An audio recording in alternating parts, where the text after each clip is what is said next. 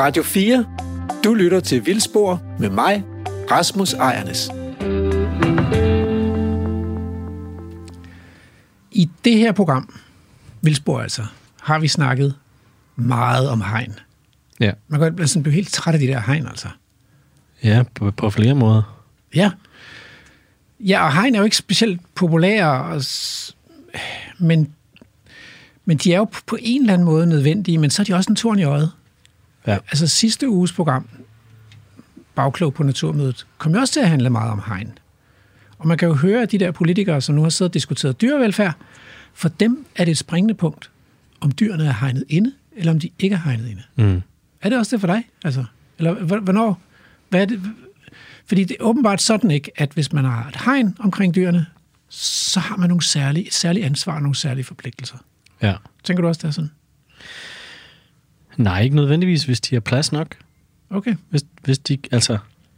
Fordi det er, jo, det er jo netop det, er jo det, vi snakker om så tit i det her program, det er, at, øh, at, at, at hvis de har plads nok, så kan de sådan set, så kan de jo leve som vilde dyr. Men der er bare det, for nogen, der gør det en forskel, at det er os mennesker, som har sat hegnet, og dermed afgrænser dyrene, så de ikke kan gå, hvorhen de vil. Jamen, det kan de jo ikke alligevel. Der er jo, der er jo motorveje nu, mens der kører en lastbil forbi herude. Altså, der er jo veje over det hele. De kan jo ikke bare køre, eller hvad hedder det? Dyrene kan jo ikke øh, gå rundt, hvor de vil. Det, okay. Det passer jo ikke. Så det er ikke så meget hegnet, du tænker mere på, om det, der er inden for hegnet, er tilstrækkeligt til, at dyrene de kan Ja. få opfyldt deres. Okay. Ja, fordi det, Men det er, som om, det er som om, at vi mennesker bliver, bliver pådrager os sådan en særlig skyld. Ved at vi, Ja. Også fordi, at vi har jo sat hegnet, fordi vi har en plan mm. med det område derinde. Det skal blive til et vildt naturområde, og dyrene hører til i økosystemet, og de skal gøre det, som dyr nogle gange gør. Ja. Allerede der, der har vi blevet skyldige, fordi vi har en plan med det. ja. Men altså, vi har vel planer med alle de dyr, vi bruger. Ja, og det er også det, der kan gøre mig lidt bekymret, fordi så, så kan man måske slet ikke have en vild natur. Hvis vi ligesom altid har en plan, og derfor altid er skyldige, så bliver vi også, så har vi pådraget os et ansvar. Ja, det... Okay, det lyder meget... Nu lyder, det er sådan helt bibelske proportioner nu. Jamen, det er rigtigt. Men det, nogle gange så kommer jeg også til at tænke på, om det er det, der spørger i baggrunden. Men øh, altså, i, i sidste uge, der havde vi også den her historie med de der Mustang-heste ja, ved Rocky Mountains. ja. Og, og der, var jo også, der var jo også nogen, der beklagede sig over, at de der frivillige ikke reddede den der, øh, det der hængstefølge, som haltede på det ene ben. ja. Men så der vi- var jo ikke noget hegn. Nej, og den, det udviklede sig til, at den havde, det fint bagefter, ikke? Altså, Ja, det ved jeg. ved, vi har vist ikke sluthistorien på det, men i hvert fald vurderede de, at den skulle have lidt tid. Men, Ja. men der er jo dyr, der kommer galt afsted og bliver syge og Ja. måske så dø. Der, er den, der var den gamle historie med krondyrkalven på Hervejen, som Morten D.D. filmede, mens den døde. Altså. Og der var et ramaskrig over. Det, var en regulær shitstorm. det var jo heller ikke under hegn. Nej. Det var jo et vildt dyr, der... Og det er som om, at folk helt har glemt, at vi skal jo dø. Ja, det kan godt være, det er det, at folk, folk glemmer det. Ja, jeg, jeg kan ikke lade være med at tænke på, jeg bliver nødt til lige at sige noget til lytterne nu. Mm. Vi, Rasmus, vi optager det her program, øh, efter vi har optaget vores sommerprogrammer. Mm-hmm. Så de kommer senere. Men Rasmus, jeg lader mærke til, når vi var ude på, vi har kørt rundt Sjælland tyndt næsten, skulle jeg lige sige. Og når vi kommer forbi steder, hvor at, øh, hvor at, at folk har heste Mm. øh, øh, inden for hegn, Mm. øh, altså som de rider på eller et eller andet, så ser det ser så trist ud. Mm. Og det, og det kan jeg, jeg kan rigtig svært ved at forstå, hvordan nogen kan synes, det hegn er okay, mens de andre hegn ikke er okay. Altså, hvor, hvor er det, vi begynder at skelne mellem, hvilke hegn er gode og hvilke hegn er dårlige? Jeg tror, jeg tror, det har noget at gøre med, at når der er nogen, der siger, at nu er det vildt, mm-hmm. så kommer protesterne. Der er jo ikke nogen, der påstår sådan en, en folk med rideheste, at, at hesten er vilde, eller, eller skal have det vildt, eller de skal passes, og de skal have hø og foder, og deres negle skal klippes, han har sagt, hårene skal beskæres, og de skal have dyrlæge, hvis de fejler noget, og, og bliver de syge eller gamle, så skal de aflives. Så der har vi ligesom overtaget hele ansvaret for hestens liv og levned. Ja. Det er åbenbart helt okay. Det er sådan en, en aftale, vi har med dyrene, åbenbart. Det ser bare så trist ud. Ja, det er, Det, det ser virkelig trist ud, at de enig. står på, på jord, der er helt... Øh, altså, det er, jo kun, det er jo ren jord, ikke? Mudder næsten. Mm. Øh, eller også så er det, det er helt gold jord, ikke? Mm. Hvor at, at når vi er ude i, øh, i Molslap, Mm. altså det, det er jo så det er jo så mangfoldig natur, og de kan Mm. rende rundt derude, ikke? Og Det er livsbekræftende. Ja, det synes jeg, jeg synes, det er utroligt livsbekræftende at opleve. Øh, ja. Men i dag, der skal vi så undersøge, ikke hegn, men vi skal faktisk undersøge dyr, som ikke er under hegn. Mm. Fordi øh, vi skal igen på reportage til Æbelø. Sidst der var det jo for at snakke om Life Open Woods-projektet, men nu er det for at tale om, om de vilde dyr, der lever på Æbelø. Ja. Der er nogle dårdyr, og de kan gå, hvorhen de vil. Der er nogle, og så er der nogle muflonger. De kan også gå, hvorhen de vil, men de har det med at blive på øen. Men det, sådan er det ikke. Så let skal det ikke være med de der dårdyr. Og kan du lige sige den anden igen? Muflon, det, det er sådan det er sådan et sydeuropæisk bjergfor, eller sådan noget. Det er sådan Ja. nogle får med sådan nogle horn på. Okay, ja, så tror jeg lige, nogen, er lidt eller? bedre med. Ja. Så der er en lille gruppe muflonger. Det er nogen, der er blevet sat ud i jagt og med i sin tid. Mm. Men nu er de sådan en del af fredningen. At det, det, sådan nogle skal der være på Æbelø. ja. Men, øh, men der skal vi nemlig ud med, med Jakob Palskov Andersen, som er skovrider i Ove Jensens Naturfond, og høre om, om, om de kvaler, man også kan have, når man skal forvalte dyr, selvom der ikke er noget hegn. Selvom dyrene er helt vilde, mm. så skal de alligevel forvaltes. Og det skal vi høre om. Og så har vi nogle gæster i studiet. Øh, Peter Sunde, som er zoolog og seniorforsker ved Aarhus Universitet. Og han skal fortælle os lidt om, hvad det er for nogle hjorte, vi har på det, der hedder den fri vildbane i Danmark. Det er også et fantastisk ord, den fri vildbane. Hvad betyder det? Ja, det er, det er jo en hensynning til jagt. Okay. Så, så, så dyrene er godt nok frie, men de er på en vildbane, hvor der er nogle jæger også, ikke? som så tager sig af dem. Ja. Eller altså, nakker dem. Ja, okay. Øhm, og, og så skal vi snakke med Niels Kanstrup bagefter, som er biolog og ivrig jæger. Mm. Øh, og det har han været i mange år, så han skal hjælpe os med at finde ud af, hvad foregår der inde i hovedet på de der jægere, som forvalter dyrene. Fordi det er jo ikke nok at vide, hvad der foregår inde i hovedet på dyrene. Der foregår også noget inde i hovedet på jægerne. Mm. Øh, for at finde ud af, hvad er det for noget med os mennesker, og så de der store, vildlevende pattedyr? Hvad, er det, der foregår egentlig? For det har Ja. åbenbart ikke kun noget med hegn at gøre. Nej, det, er- det er jo også noget, vi har snakket om før i programmet. Mm. Det her med forholdet mellem mennesker og dyr, og, Mm. Og bestemte slags mennesker, som for eksempel jæger. Mm. Hvad er det for et forhold, de har til dem? Så det, det er programmet i sin øh, ja. nødskald, kan man sige. Og øh, spørgsmålet er, er der noget musik, der hører til sådan noget, øh, noget vild natur med store dyr? Og... Ja, Yeah! det er der. kan du huske, øh, måske, nok ikke da du har været barn, jo, måske, nej, da du har været øh, yngre, måske lige når du har fået nogle af dine børn, og du skulle læse øh, godnathistorie for dem, har du så læst... Læge, anemonen, i kanonen ved tre. Nej, det er ikke, det er ikke den. Nej. Vilde, vilde dyr. Øh, Prøv at jeg finder det lige frem her Okay. på, øh, fordi den du tror, kender jeg, det kan jeg godt. ikke lige huske, om jeg har læst. Jamen, når du ser den, så kender du den godt. Det handler jo om den her dreng, som lige pludselig øh, kommer øh, frem til... Det kan jeg simpelthen ikke finde. Nå. Der kommer frem til en ø, Mm. og der er nogle kæmpe store vilde dyr, mm. som, øh, som, som bor på den her ø. Og dem bor han så med, mm-hmm. indtil han begynder at savne sin mor, og hvor han kommer fra. Ikke? Den hedder på engelsk hedder den Where the Wild Things Are. Mm. Og jeg, og jeg synes bare, det var så passende til, til den her. Så jeg tænkte, vi kunne høre noget øh, fra det soundtrack. Øh, nummeret hedder bare Rumpus, fordi det er jo det, man gør, når man møder vilde dyr. Så skal man ud og være vild og løbe rundt. Let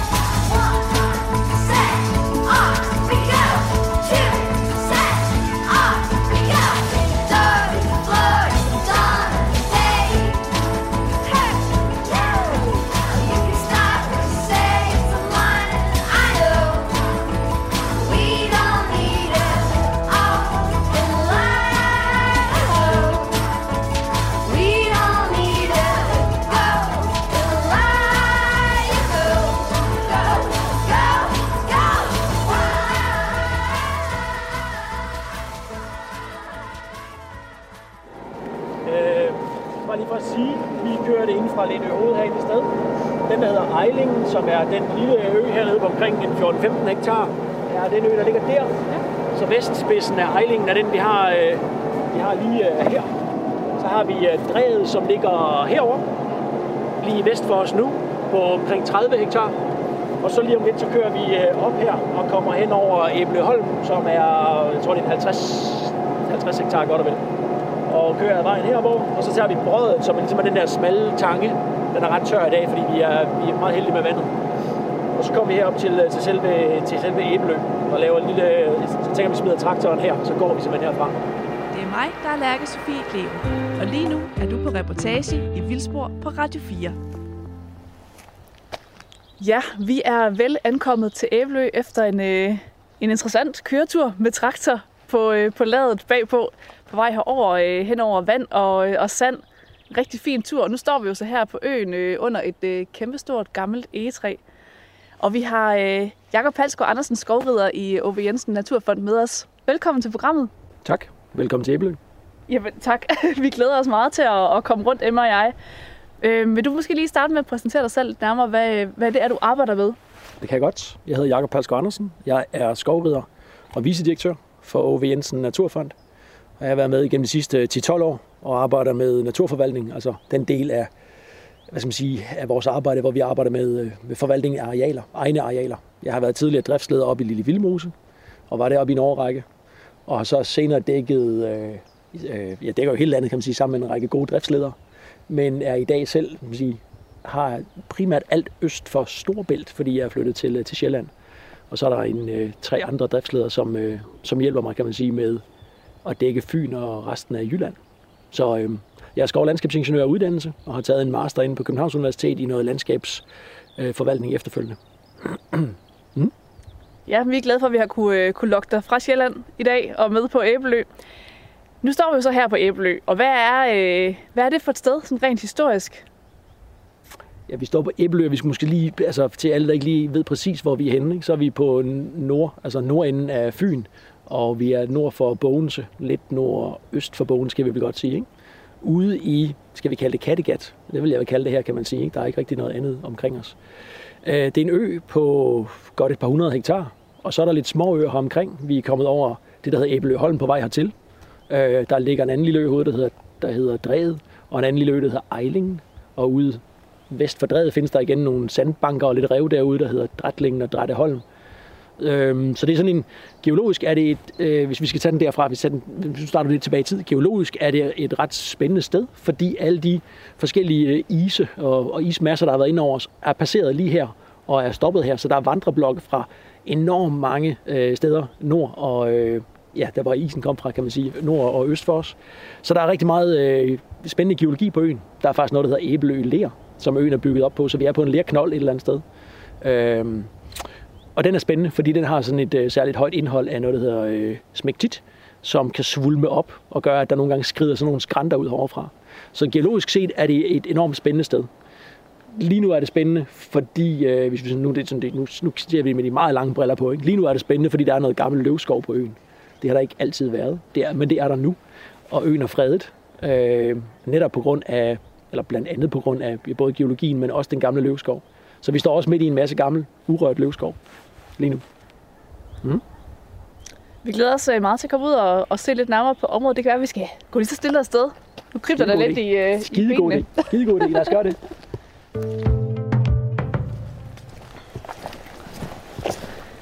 Nu fortalte du lige lidt, øh, Jacob, om, om, om stedets historie her, øh, og den spændende geologi, der er på området. Men øh, hvordan er det med, med Æbelø i dag? Den er jo sådan set ejet af Ove Jensen Naturfonden. Øh, det er den. Øh, den blev erhvervet tilbage i 1995 på opfordring af Danmarks Naturfredningsforening og Dansk Ornitologisk øh, Forening. Og øh, der gik vi ind og lavede nogle forskellige indgreb over til en start. Altså der var det sådan lidt mere et, det var en anden ejer, der havde et andet formål med det. Det var faktisk en jagtejendom på det tidspunkt, der blev opdrettet rigtig, rigtig, rigtig, rigtig, rigtig mange tusind fasaner herovre. Øh, og der var, har over årene været et samsurium af alt muligt andet klovbærende vildt herovre, kan man sige, altså i jagtøje med.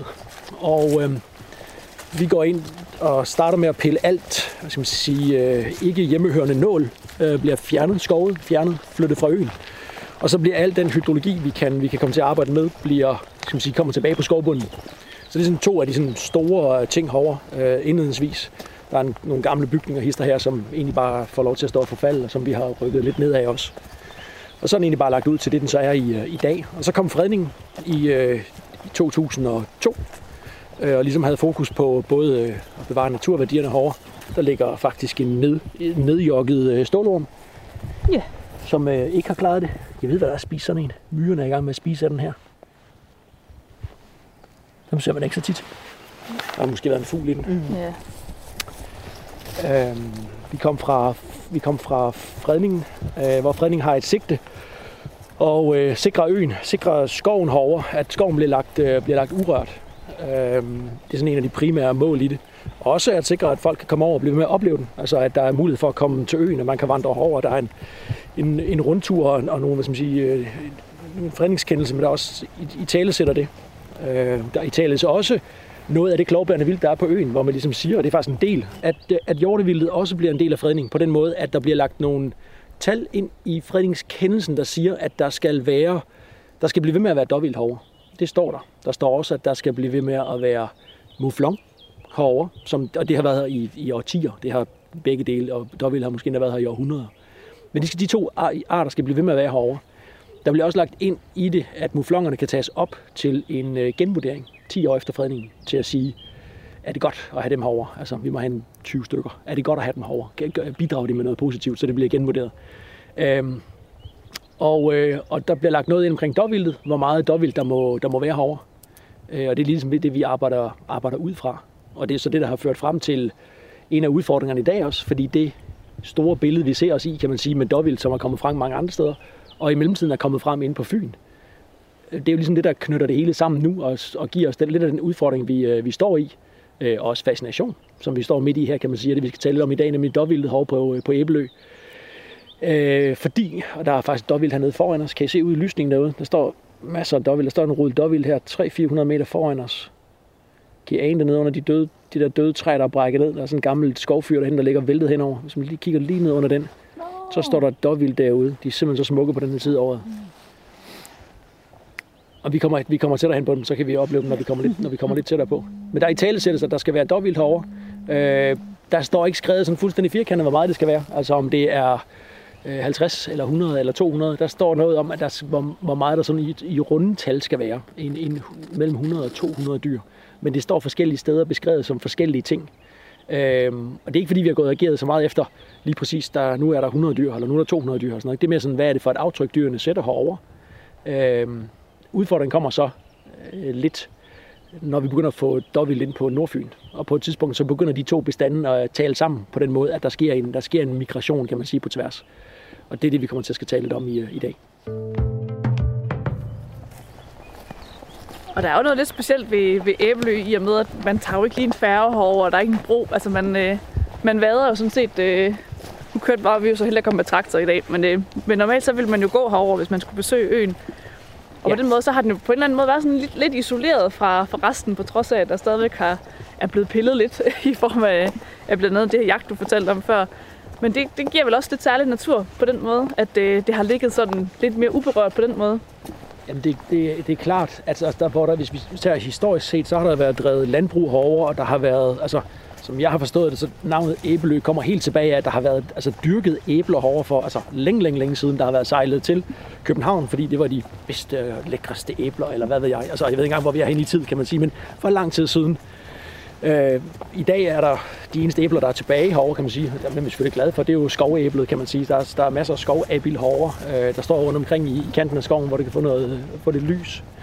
Øh, men så har der været drevet landbrug herovre også. Altså, så det har været, og så har det været et dejligt sted, fordi når der har været sådan en masse øh, træ, så kan man bare sejle over og hente noget træ, når man har brug for noget træ. Så et eller andet sted, så har det jo været et dejligt skatkammer at have med, kan man sige. Ikke? Altså, at man havde æbleø liggende i, i baghånden til et sted, man kunne tage ud og sanke, hvad man nu manglede. Men ja, det er rigtigt nok. Øh, publikumsdelen, kan man sige, og det er jo fredninger med til at åbne op for den, at der findes den her tur, den her mulighed herovre. Og der kommer mange besøgende. Vi prøver at holde lidt styr på den. Hvis vi lige stopper lige lidt her, så kan vi kigge hen. Der sidder nemlig en hel rød dårdyr derhen. Kan I se dem? Sådan lige i skyggen ja, ja. derhen. Der er faktisk rigtig mange dyr, som jeg lige ser det. Hold Der er lidt varme flimmer hen over græsset, så varmt er der i dag. Mm. Det er vist det første varme flimmer, jeg oplevede i år. ja.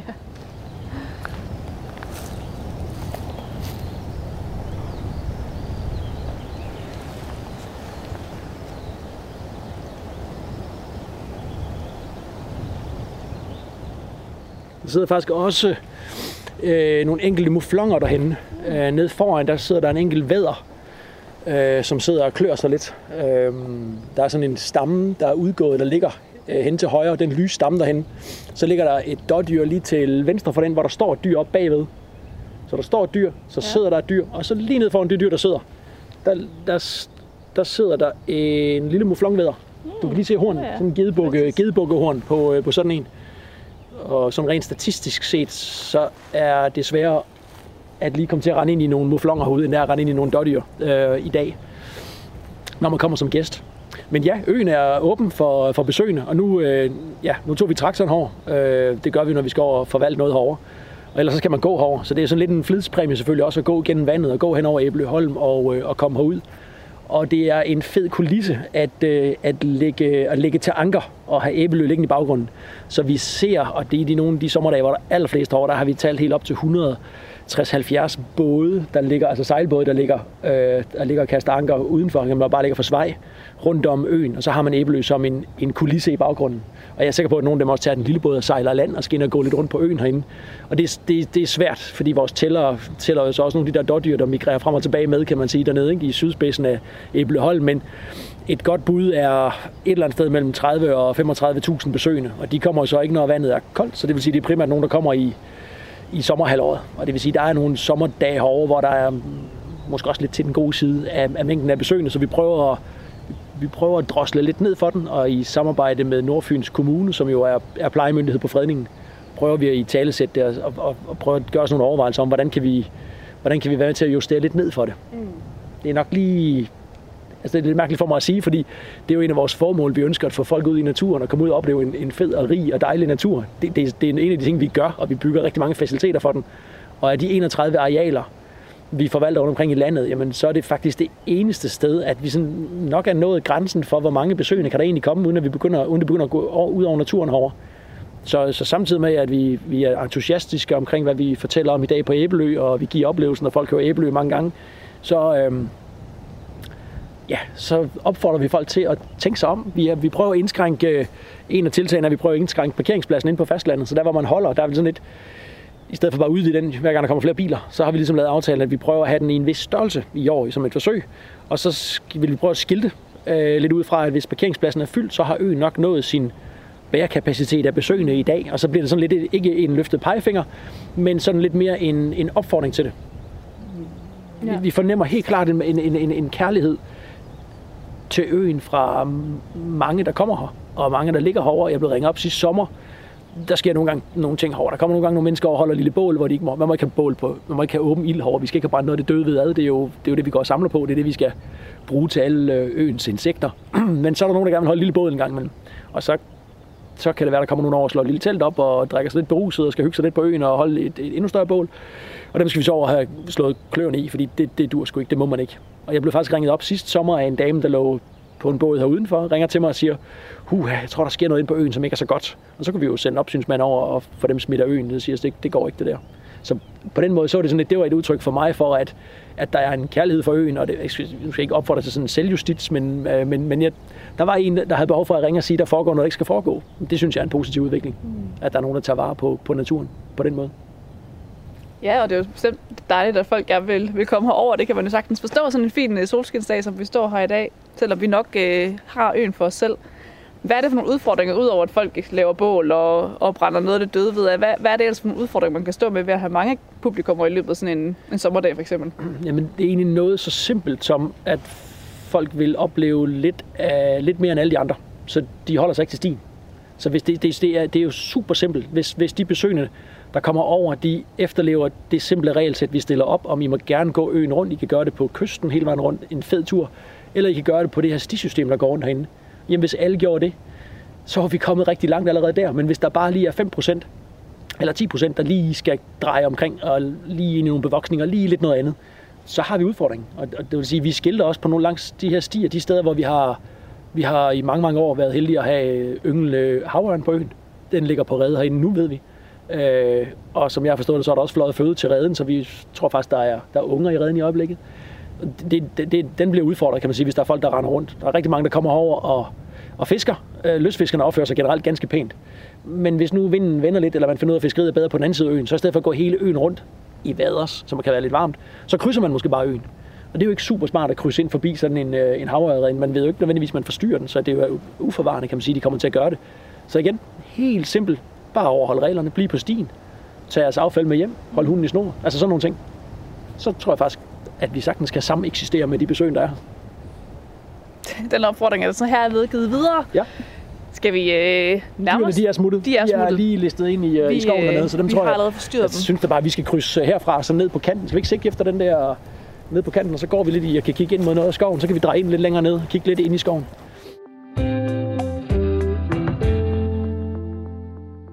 Så øh, er vi tilbage i studiet, hvor jeg har fået besøg af min kollega på Aarhus Universitet, seniorforsker Peter Sunde. Velkommen. Og øh, vi skal tale om hjorte, blandt andet. Øh, og jeg har inviteret dig, fordi at du ved noget om hjorte. Og jeg vil godt starte med at stille dig spørgsmålet. Hvilke hjortearter har vi egentlig sådan på det, vi kalder den fri vildbane, eller altså uden for hegnene i Danmark? Vi har fire arter, øh, to hjemmehørende, rådyret og krondyret, og så har vi så øh, to arter, som der så er indførte mennesker. Det er dårdyret, og så er det sika, sikahjorten. Og Sika kommer fra Nordamerika? Sikahjorten kommer fra Eller Japan faktisk. Ja, Japan Nå, okay, faktisk. det er en japaner. Ja. Mens at, at dårhjorten har været her i tidligere mellemisttider, men kom ikke frem i den her mellemistid. Ja. Og, altså indbragt, indført af jæger. Ja, det kan man sige. Altså, det, ja, altså for, for cirka 9.000 år siden, så blev den bragt tilbage til Europa, kan man sige. Der okay. er jo faktisk to raser af, af, af, af, af dårdyr. ikke? Der er det, vi kalder for det europæiske dårdyr nu, men som faktisk kommer fra Sydvestasien. Mm-hmm. Og så har vi så det persiske dårdyr, som der jo egentlig, hvad skal vi sige, har sit oprindelige område omkring det Kaspiske hav nordlige Iran, mm. som er meget truet. Mm. Så, er det, så den underart, vi har i Europa i dag, den, den, den kommer egentlig, hvad skal vi sige, fra, fra, fra det sydvestlige Asien, ikke? men altså, man kan sige, økologisk set, så er det same same. Ja. Ja, og, og altså, den forhistoriske dyreverden talte jo flere. Altså, vi havde for eksempel en, der var beslægtet med dårdyret og kæmpehjorten i tidligere mellemisttider. En ordentlig skrummel. Men den findes ikke længere i verden. Ja, vi havde den jo i Danmark også efter istiden, kan man sige. Den, men den, den den røg jo, det, ja, ja, den, vi har den faktisk i dag, også for dansk, danske aflejringer, hvad skal vi sige, efter istiden. Men altså, den, den, røg jo, den røg jo, hvad skal vi sige, relativt hurtigt, kan man sige, øh, derefter. Det ville ellers være noget for trofæjægerne. Ja, men altså, du ser på, på engelske herregård og så videre, der hænger de der øh, gevier jo, som man, og det er jo typ formentlig sådan noget mosefund, man har fundet og så videre, ikke? Så hænger det sammen med, med de her forskellige rustninger, de har og alt muligt andet, sådan gamle ravelse. Så det er noget, med, det er noget, der har attraktion. Men, men nu tænker jeg på, øh, du nævnte fire arter, men hvad med elgen?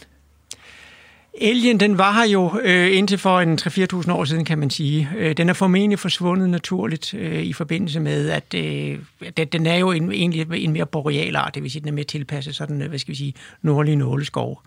Øh, man kan altid diskutere præcis, hvorfor den forsvandt i Danmark. Altså i Tyskland forsvandt den for cirka, hvad skal vi sige, omkring jernalderen. Så, så den, den har været her oprindeligt, øh, den er her ikke mere.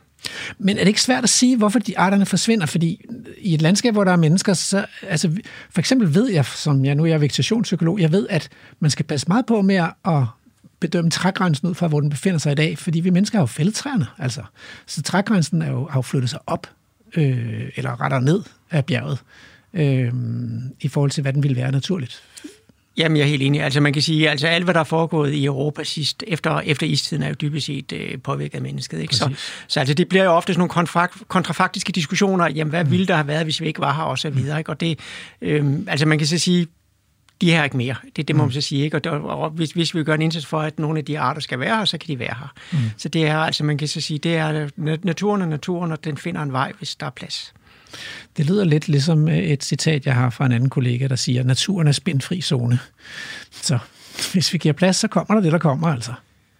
Ja, altså, hvis de kan leve her. Altså, og, sådan, Det er er det, sådan er det jo. Altså, man kan sige, altså, og, det, og det er også derfor, man kan, lige så snart vi begynder at tale om noget, der er naturligt eller ikke naturligt, det er jo sådan set os, der gør det til det. Mm. Øh, man kan sige, naturen og også de her du ved, det dårdyr, vi hører om her i indslagene her, jamen altså, de ved jo ikke, sådan noget eksisterer. De, de agerer jo ud fra, hvad der er deres adfærd, deres tilpasninger. Hvis de har gode muligheder, så bliver der flere af dem, og omvendt. Ja, Men Øh, men der er jo indimellem også en ældre, der kommer over af sig selv. Altså, så, så, så udover at der er sat nogen ud under hegn i Lille Vildmose i mellemområdet, så indimellem er der jo svømmet en el over. Jeg kan ikke huske, hvor mange gange det er sket for Sverige, eller gået over isen, men, men det er som regel jo bare en enkelt, og så bliver den kørt ned af tog. Ja, altså man kan sige, det, jeg, jeg tror, at de sidste 100 år, det, er- det er en 7-8 stykker, ja. øh, der, der er ligesom er kommet levende i land, kan man sige. Ikke? Og det er alt sammen været i Sjælland og typisk i Nordsjælland. Ja. Øh, nu var jeg selv bag en rapport, der blev skrevet i 2007, der blandt andet regnede på muligheden for, at der skulle være el i Danmark. Ikke? Og man kan så sige, så det sted, hvor de kan komme ind i landet, det er stort set øh, det ringeste sted for elge, fordi det er der, vi har den højeste grad af trafik. Øh, så, og det, der typisk sker, det er jo, at de kommer ind en og en, og de finder typisk aldrig hinanden, før at de så dør øh, ofte i trafikken. Er det helt utænkeligt, at der kunne komme elge sydfra? Altså, det kræver jo i hvert fald, at de gør en indsats, for de skal så vandre hele vejen op igennem Slesvig-Holsten, som mm. der jo ikke er noget specielt, hvad skal vi sige, elgemindet øh, område, fordi der er jo der er meget lidt skov Slesvig-Holsten. Mm. Øh, man kan så sige, at hvis udbredelsesområdet rykker tættere på, øh, jamen så bliver chancen selvfølgelig større og større. Mm. Øh, man kan så sige, at al den stund, det ikke er sket endnu, øh, så kan man jo nok så sige, at, at vi skal ikke udelukke det. Der, der kan sagtens være, at der er en el, der pludselig vandrer op igen i Jylland. Mm. Men der skal typisk øh, mere end en el til en bestand. Så, så derfra til at få en bestand øh, naturlig indvandret, det, det tror jeg har lange udsigter. Okay, øh, men så kunne jeg godt tænke mig at stille et spørgsmål, fordi jeg, dengang jeg ankom til Kalø som ung phd studerende der var der en gut, der hed Helmut Strandgaard. Og jeg kan huske en af de ting, han sådan optrådte med, det var det der med at sige, at ja, hvis man lod være med at skyde på de der krondyr, så ville der på kort tid være 250.000 i Jylland.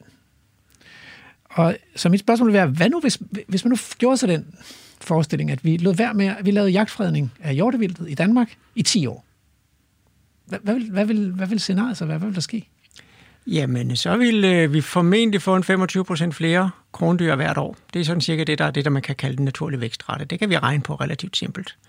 Og så er det jo eksponentiel vækst. Øh, nu kan jeg ikke lige regne det ud i hovedet her foran mikrofonen, men altså, vi er jo alle sammen gode til eksponentiel vækst efter et år med covid. Det det. Så det, det vil blive til, øh, hvad skal vi sige, en, en, en 4-5 dobling, kunne jeg forestille mig, i forhold til, hvad vi har nu. Ikke? Altså, det, der, det, der er væsentligt igen, når vi taler om naturen i forhold til os mennesker, ikke? Vi, kan vi kan, det, der hedder hvad skal jeg sige, økologisk bæreevne, det er, hvad naturen giver plads til. Og så har vi det, vi kan kalde for politisk bæreevne, eller, eller social bæreevne, det er, hvad vi, hvad vi vil, vil give plads til. Ikke? Og det er fuldstændig rigtigt, hvis vi laver det der eksperiment der, fordi vi har øh, landbrugsområder osv., der er ubegrænset med føde, jamen så vil sådan en bestand, den vil bare vokse og vokse og vokse og vokse, i hvert fald inden for en 10-årig periode. Ingen tvivl om det. Hvorfor foreslår Danmarks Jægerforbund ikke at gøre det? Det ville jo tænke engang, altså hvor ville man kunne skyde mange krondyr så, øh, hvis man fik sådan en femdobling eller tidobling af bestanden, altså? Ja, men det, nu, det, det må du spørge ja, Danmarks Jægerforbund om, kan man så sige. Det er jo et politisk spørgsmål. Ikke? Men Jo. altså, man kan sige, at det, det er jo faktisk øh, på mikroniveau også de diskussioner, man typisk finder, når man kommer ud.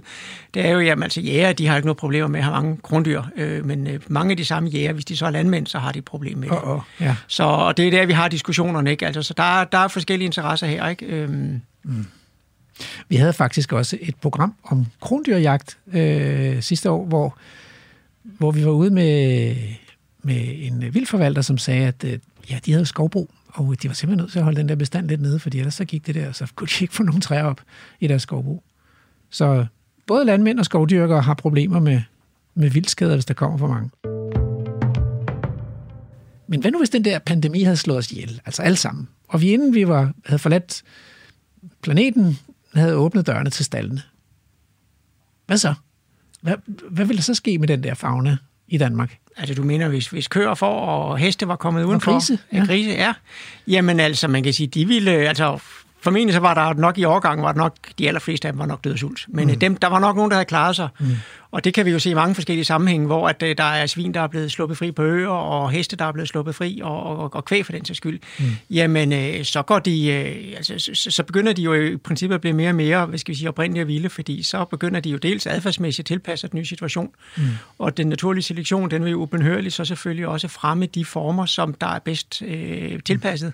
Og det vil jo typisk ligne noget, der var i forvejen. Mm. Så, så det, må, det vil vi jo må regne med, det, det, det er, at så vil meget af det, det vil gå tilbage og begynde at ligne noget af det, der var øh, oprindeligt. Og det, det, det er også det, vi kan se fra de eksempler, hvor der har været, været, været tamdyr, der er blevet sluppet fri. Urokse, vildheste, vildsvin osv. Ja. Ja, eller hvad du vil kalde det, kan man så sige. Ikke? Det, er jo, det er jo princippet, de, de kom derfra, ikke? og det vil blive til noget. Altså, der er igen som sagt, det er jo, evolution af naturen er dynamisk, og det er ligesom en flod. Øh, Der er ikke noget, der vender tilbage til, hvad det engang var. Øh, Det skal vi også huske. Jeg, vi havde i Richard Østerballe fra Givskud med et program, og han indrømmede jo blankt, at hvis han slap sine løver ud i morgen, så ville de trives fortrinligt i Danmark. Det var hans bedste bud. Det tror jeg gerne. Okay, det er en vild tanke.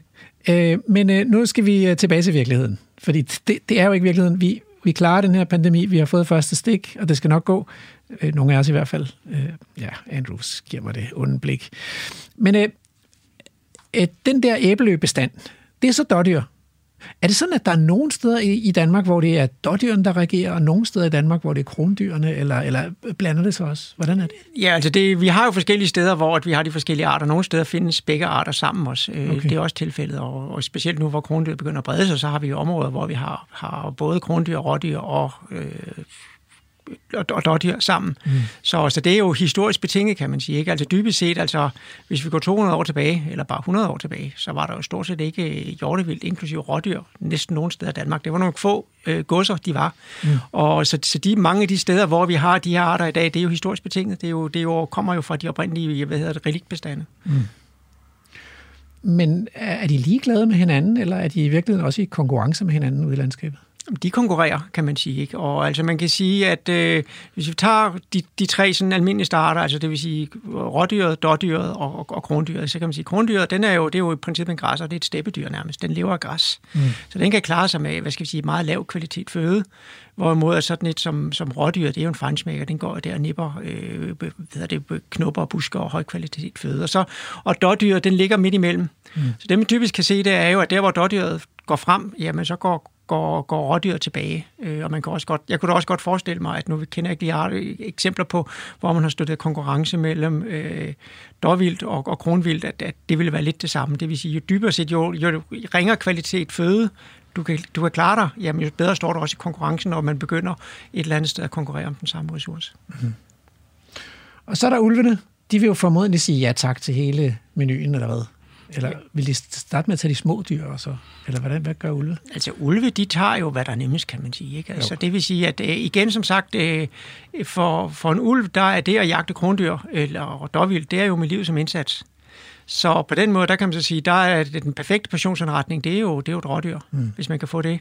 Øh, Dårvildt, det er næsten lige til os, ikke? Og så er det jo, og det kan vi også se med, med, med krondyr, det er sådan set det, der er, hvad skal vi sige, det sværeste at tage fat i, og, mm. og det er også derfor, de, de helst har kalve, kan man sige, de meget gamle dyr. Mm. Så, så de tager start fra en ende af, ikke? Og det, som jeg har hørt også, jeg har ikke set noget publiceret endnu, ikke? men det er jo noget af det, som jeg også har hørt, hvad skal vi sige, sådan, sådan hvad skal vi sige, fuldstændig øh, uden jeg har dækning for det, ikke, det er jo, at, at faktisk muf- muflonger, det, det, det er jo noget af det, der hvad skal vi faktisk først forsvinder øh, de steder, hvor at man har muflonger, der kommer ulve ind, fordi... Eller, Det er et får, og de er bare for nemme. Jamen, de, de står jo stille og bliver spist, kan man sige. Og det er jo også det, vi hører her. Ikke? Altså, de er jo ligesom, det er jo også sådan rent bestandsmæssigt, ikke? det er jo næsten som, som rødbeder. Ikke? Altså, de bliver boende der, hvor de, de nogle gange er slået ned, ikke? Og, og, det er, de er jo tilpasset et eller andet sted i klippelandskab, ikke? så man kan sagtens forestille sig, at når så kommer en uld ind til et område der, ikke? så Ja. det er jo bare lige, og ja, det er jo værsgo at gå til bords, ja. kunne man forestille sig. Men som sagt, jeg må, jeg må understrege her, ikke? jeg har ikke set nogen videnskabelig øh, dokumentation på det her, ikke? men det er sådan set det, som øh, jeg hører sådan uformelt rundt omkring fra, fra, fra Mellem-Europa. Og ulven kom jo tilbage i Yellowstone, og, og det, jeg kan huske fra den historie, det er, at, at der, der begyndte den jo så at kontrollere mængden af nordamerikansk krondyr. Øh, men til gengæld blev der så frigivet nogle ressourcer til bisonbestanden, så, så bisonpopulationen begyndte at vokse. Så sådan kan sådan et, et rovdyr godt betyde noget for, hvordan balancen mellem planteæderne, det, Ja, altså man kan sige, ja, altså man kan sige nu, nu skal vi, det, det er en længere historie med, med, med Yellowstone, kan man sige. Der er faktisk lidt, lidt, omdiskuteret blandt fagfolk, præcis hvad var det, der skyldtes ulve, hvor meget skyldtes noget tørke og så videre. Ikke? Altså, der er ingen tvivl om, at ulven har selvfølgelig gået ind og, og hvad skal vi sige, og haft med effekt på, på den nordamerikanske øh, krondyr. Mm. Øh, men hvor meget, hvad skal vi sige, de der trofiske kaskader skyldes ulv og, og andet, det, det, det diskuteres lidt. Så det, er- der, jeg, er lidt, jeg er lidt forsigtig her, men altså, øh, potentiale er der i hvert fald. Ikke? Men altså, settingen er jo, er jo meget anderledes i forhold til dansk landskab, fordi at altså, altså Yellowstone Nationalpark, det er jo, det er jo et område på størrelse med Sjælland, øh, hvor at man jo i princippet holder øh, fingrene fra fadet rent øh, indgrebsmæssigt. Ikke? Så det vil, sige, der er for, det vil sige, der er den der, der er ikke noget menneskeligt indgreb, og der er masser af plads. Øh, og- den situation har vi jo altså bare ikke i Danmark. Men men hvordan, hvad er der så sket historisk med, med de her dyr i de her, det her hjortevildt i Danmark? Fordi jeg har indtryk af, at, at det, det, det er jo ikke sådan stabilt. Det har, været, det har udviklet sig meget. Bare, bare den tid, jeg har været en, en del af forskning og rådgivning om dansk natur, så har det udviklet sig meget. Så, så hvad er der sket med de der hjortevildtarter i, i Danmark de sidste 20, 30, 40 år? Jamen altså gennemgående, så er de blevet mere og mere almindelige, kan man sige. Øh, Og det der jo, det der jo formentlig er sket, det, er, altså, det er jo, at dels så er der blevet, formentlig blevet mere føde til dem i landskabet. Øh, Både fordi, at øh, vi har fået vintergrønne marker, øh, vi har mm. haft landbrug, der er jo et eller andet sted fra 50'erne og frem efter begyndt at bruge kunstgødning. Mm. Så vi har et landskab, der er jo i princippet fra et, øh, fra et hjortesynspunkt, og de lever jo af, hvad hedder, grønne plantedel, er blevet, simpelthen har fået en højere økologisk bage, en højere fødekvalitet. Mm. Øh, vi er også blevet rigere, det vil sige, at vi har råd til at fodre de her kræ, øh, hvad der formentlig også betyder noget. Men det, der bliver jeg nødt til at stoppe en gang. Altså, fodre dem, siger du det. Du har lige fortalt mig, at der er masser af mad i landskabet. Men nu fortæller du så, at vi også ovenikøbet fodrer dem. Altså vilde dyr. Ja, men altså det, det, er, jo, det er jo noget, man kan sige, det, altså det, det, det kan man jo gå ud og se rundt omkring, ikke? og det, det er jo det, man jo typisk ser, det er jo, det er jo motiveret øh, ud fra typisk jagthensyn, ikke? og det vil sige, at, at det man, øh, det, der hvor man måske især ser det, det er jo altså, men ja, det, det er jo faktisk også dårvildt, og der var jo også referencer til her, ikke? hvor man så med, med den her, hvad er det, det her dårdyr, der var vendt tilbage til Æbelø med, med, med vommen fuld af, af majs og så videre, ikke? og det er jo, øh, det, med, det, man jo typisk ser, det er jo, det er jo de forskellige hvad hedder det, lokale interessenter, der gerne vil have, at dyrene skal holde sig hos dem, måske i jagtsæsonen. Jamen, uh-huh. det er jo en måde ligesom at, at, at trække dem til. Økologisk set, så er det, altså man kan sige, hvis vi gerne vil et eller andet sted vil, vil, vil have noget, der hedder mere naturlig vintergræsning og så videre, og øh, jamen så, så man kan sige, så er det fuldstændig unødvendigt, ikke? og man kan jo nærmest, altså, i områder, hvor man for eksempel samtidig døjer med, at der er, der er skader om sommeren osv., så, videre, så kan man jo nærmest sige, at det, det, det er noget, fanden har skabt. Ja, man har selv bedt om det. Ja, altså man kan sige, at jeg tror måske ikke, man, man helt er klar over, hvad skal vi sige, hvad, hvad det her det kan betyde i hvert fald. Ikke? Mm. Altså, det, det, vi kan se, ikke? nu har jeg en speciel studerende, der arbejder i, i Midtjylland i et område, hvor vi både har GPS-mærket krondyr, og hvor, hvor hun også har været ude og se på, hvor der er, er hvad skal vi sige, altså vi, vi kan jo se, hvor de har været hen ved at tælle, tælle fald for eksempel, ikke? og der kan vi så se, at, at øh, placeringen i de her foderdynger, hvor der ligger gulerødder og, og, og roer osv., ikke? de har en meget stor indflydelse på, hvordan de her dyr de også fordeler sig i landskabet. Så hvis man går i skoven og finder sådan en stor bunke gulerødder eller roer, så er det ikke fordi, der er nogen, der har tabt dem ved et tilfælde. Det er øh, bevidst fodring. Ja. Det, det, det, ja, man kan sige, det, det, det, det, så det er jo motivgrænsen, kan man så sige, ikke? men man er udefra, altså, hvad, hvad, altså det er jo det, der vil være den eneste grund til det, og det, hvis man snakker med, med folk, der har med det, det, det er jo, jo, det, det, det er jo fuldstændig åbent erkendt, at det, ja. det gør man, kan man sige. Ja. Og, og, og mange gør det jo også i, i den bedste mening, fordi de vil gerne vil være gode ved deres dyr, kan man sige. Ikke? Jo, og, øh, og det kommer vi jo også ind, i, øh, ind på, øh, når vi skal snakke om æblø, øh, fordi at man har haft udfordringer med vinterdødelighed, og så, så kommer godheden jo op, og, og ans, man føler også ligesom sådan et, et ansvar. Men, men det er jo lidt specielt, at man føler det her ansvar med, med hjorten, fordi det er jo vilde dyr. Det er jo ikke nogens dyr.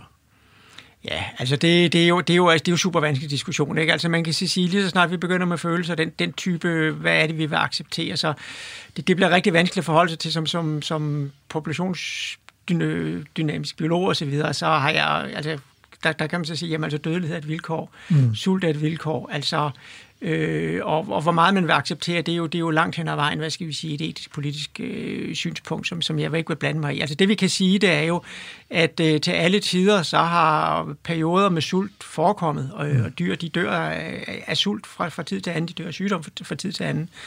Øh, hvis vi skal trække den endnu, endnu længere ud til det, vi kalder for, for lidelse, hvad det så end er, øh, jamen man kan jo sige dybest set, ikke? Altså, så længe der er, der er vilde dyr øh, på planeten, så vil der, vil der være lidelse. Ikke? Mm. Altså det, det er, sådan er det, øh, kan man sige. Øh, hvad vi så vil acceptere, det er jo politisk spørgsmål, men altså, vi, vi, jeg tror bare, vi er også nødt til at, at forholde os til, ikke? at hvis, vi, hvis så længe der, der er vilde dyr i naturen, jamen så vil der også være dyr, der, der er syge og, og, og vil dø i et eller andet omfang. Ja, ja. Okay, men, øh, men, men hvis der har været den her vækst i bestanden øh, over årene, så, så er det vel stadigvæk sådan i Danmark, at, at der er nogle steder, der er flere dyr end andre. Altså, jeg kan huske en, en nat, jeg kørte hjem ned fra Langeland. Og jeg måtte simpelthen sætte farten ned til 30-40 km i timen, fordi der var simpelthen så mange dårligere over det hele. Og de krydsede for mig konstant der midt om natten. Ikke? Øh, så der var i hvert fald mange dyr. Øh, og så er der jo andre, andre landskaber, hvor der, hvor der ikke er så mange dyr. Og, og traditionelt har der været mange krondyr på, på, på Nordjordsland, men ikke mange nede på Mols og Helgenes. Og der har været stået nogle store krondyrbestande ude i Borges og Oksbøl og sådan noget. Så kan, ved man noget om, hvad er det i dag, der bestemmer, om, om der er mange dyr eller, om, eller færre dyr i det danske landskab? Der er jo i princippet tre faktorer. Øh, man kan sige, der er, der er jo fødetilgængeligheden, og det er jo et eller andet sted, hvad der er fødegrundlag til. Og der må man så sige, at de allerfleste bestande i dag, de er ikke fødebegrænset, øh, mm. som hvad vores data tyder på. Ikke? Mm. Så, har vi, så har vi så afskydning. Der er jo et eller andet sted, den måde, vi jo hele tiden et eller andet sted går ind og tager tager, hvad skal vi sige, toppen af bestanden. Mm. Øh, enten gennem en bevidst politik, det kalder vi forvaltning, eller at vi hver sær går ud og skyder det, vi vil. Det, vi kan det, kalder, det kalder vi jagt, ikke? Jo. Øhm, og derudover, så har vi jo så det, der vi, hvor vi så må sige, dyrene, de har jo også et valg, hvor de så vil gå hen. Mm. Og, og det er jo det, vi jo så også i forbindelse her med, med æbleø-eksemplet. Ikke? Altså det, og det, man skal huske her, der er, hvis vi prøver at trænge ind i hovedet på et på dårdyr, øh, for eksempel. Ikke? Altså det er sådan en, en, en dåd, hun får en kalv om året. Mm. Øh, det handler om, at hun skal have føde. Mm. Og det vil sige, de steder, hvor der er tilstrækkeligt med føde, der vil hun selvfølgelig søge hen. Det kan man kalde, det kan man kalde for pull-faktorer, så at sige. Ikke? Mm. Øh, så selvfølgelig vil de prøve at optimere deres fødesituation. Mm. Derudover så handler det for alt i verden om at begå fejl. For du skal bare begå en fejl, så er du ude. Mm. Og så er du død. Og derfor så er de jo selvfølgelig super, super sensitive over for alt, hvad der kan være en risiko. Og da de jo et eller andet sted kun har den erfaring, de selv gør sig, og som de kan fornemme for andre, øh, jamen så er de jo nødt til på et eller andet sted også at være ekstremt konservative, fordi de ved ikke, hvad forholdene er i et eller andet ukendt område. Så derfor så vil de både typisk gøre, hvad der virker, øh, altså ud fra devisen, if it ain't broke, don't fix it. Øh, det Ja. gør alle dyr. Og så er der selvfølgelig en eller anden form for opportunisme også. Og det er også derfor, nogle gange så ser vi de der pludselige skift, så sker der noget nyt. Og andre gange så ser vi også det her med, at vi har de her dyr, der dybest set holder sig væk fra nogle områder, hvor der for eksempel er, er jagtlig forstyrrelse, eller mm. der har været noget, der har gjort, at her har de rigtig dårlige erfaringer. Er det også faktisk jagten, der, der, der, der betyder, at dyrene undgår mennesker? Altså, fordi hvis nu ikke der var jagt, ville de så egentlig bare vende sig til, at der var mennesker? Vi, vi har, der, hvor jeg bor, der har vi sådan et, et svanepar, som kommer med deres unger, og så tilbringer de efteråret med at æde æbler i vores haver. De er fuldstændig øh, trygge. Ja, det må man sige. Altså man kan sige dybest set, det som, det som de jo reagerer på, det er negative konsekvenser. Ikke? Og det vil sige, den ultimative øh, negative konsekvens, det er, at du dør af det. Ikke? Og det, det vi jo kan se, de steder, hvor man jager øh, hjortevildbestanden, og typisk også jager dem på måder, hvor de virkelig forbinder mennesker med, med død, der er de sky. Ikke?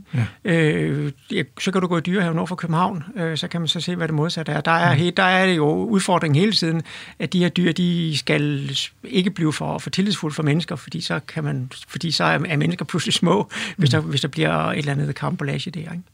Ja, man kan sige, at den ultimative modsætning til, at de frygter mennesker, det er, at de opsøger mennesker, hvis, hvis, man, hvis de har vendt sig til, at man kommer med mad.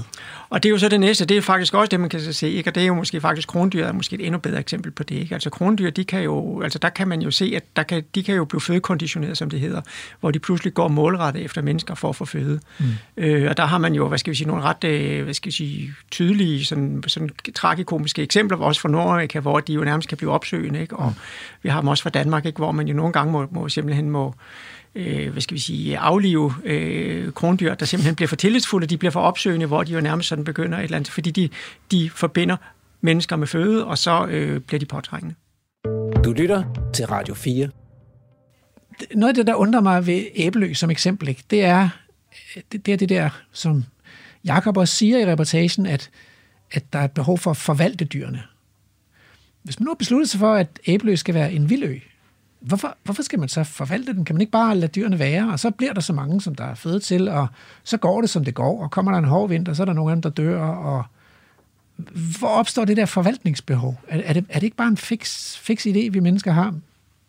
Det kommer jo an på, hvad der man vil opnå, og hvad forvaltningsmålet er, kan man så sige. Ikke? Hvis, hvis man ønsker, at, hvad skal vi sige, tænk, at, at, at, hvad skal vi sige, at, at ting dybest set bare skal passe sig selv, og det er et mål i sig selv, jamen så kunne man gøre det. Men det er jo også det, vi hører. Så, så kan konsekvensen blive, at så er der altså nogle af de her arter, øh, insektarter, der så ryger i svinget, mm. øh, fordi at øh, miljøforholdene de ændrer sig, mm. og de kan ikke lige genindvandre. Mm. Øh, så det er jo et valg, kan man så sige, mellem om man har en naturmålsætning, eller man har en dynamikmålsætning, kan man sige. Det synes jeg, øh, det, det synes jeg lyder... Hvad vil du? Hvad vil du gøre? Altså, jeg, jeg vil... Det, det, er jo, det er jo et værdivalg, kan man så sige. Ikke? Altså, jeg synes, jeg til tilgangen, øh, hvor at man et eller andet sted prøver at, at regulere det, det, det lyder fornuftigt. Tusind tak for, for at gøre os så kloge på hjortevildet, Peter, fordi nu, nu er tiden løbet ud. Vi, er, vi har ikke mere tid. Vi skal simpelthen have nyheder. Fantastisk. Radio 4. Du lytter til Vildspor med mig, Rasmus Ejernes.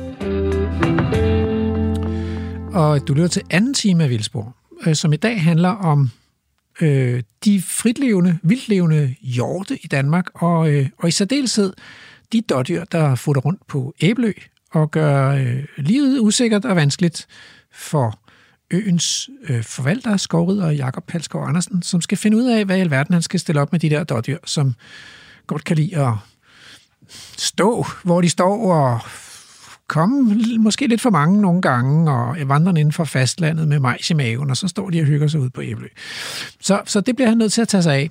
Øhm, og så skal vi også tale med øh, biolog og jæger Niels Kanstrup for at finde ud af, hvad er det egentlig, der foregår inde i hovedet på jægerne, når de, når de forvalter hjortevildet rundt omkring i Danmark.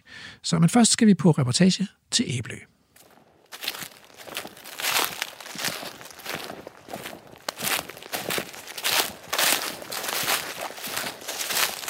Det er mig, der er Lærke Sofie Glerup, og lige nu er du på reportage i Vildspor på Radio 4.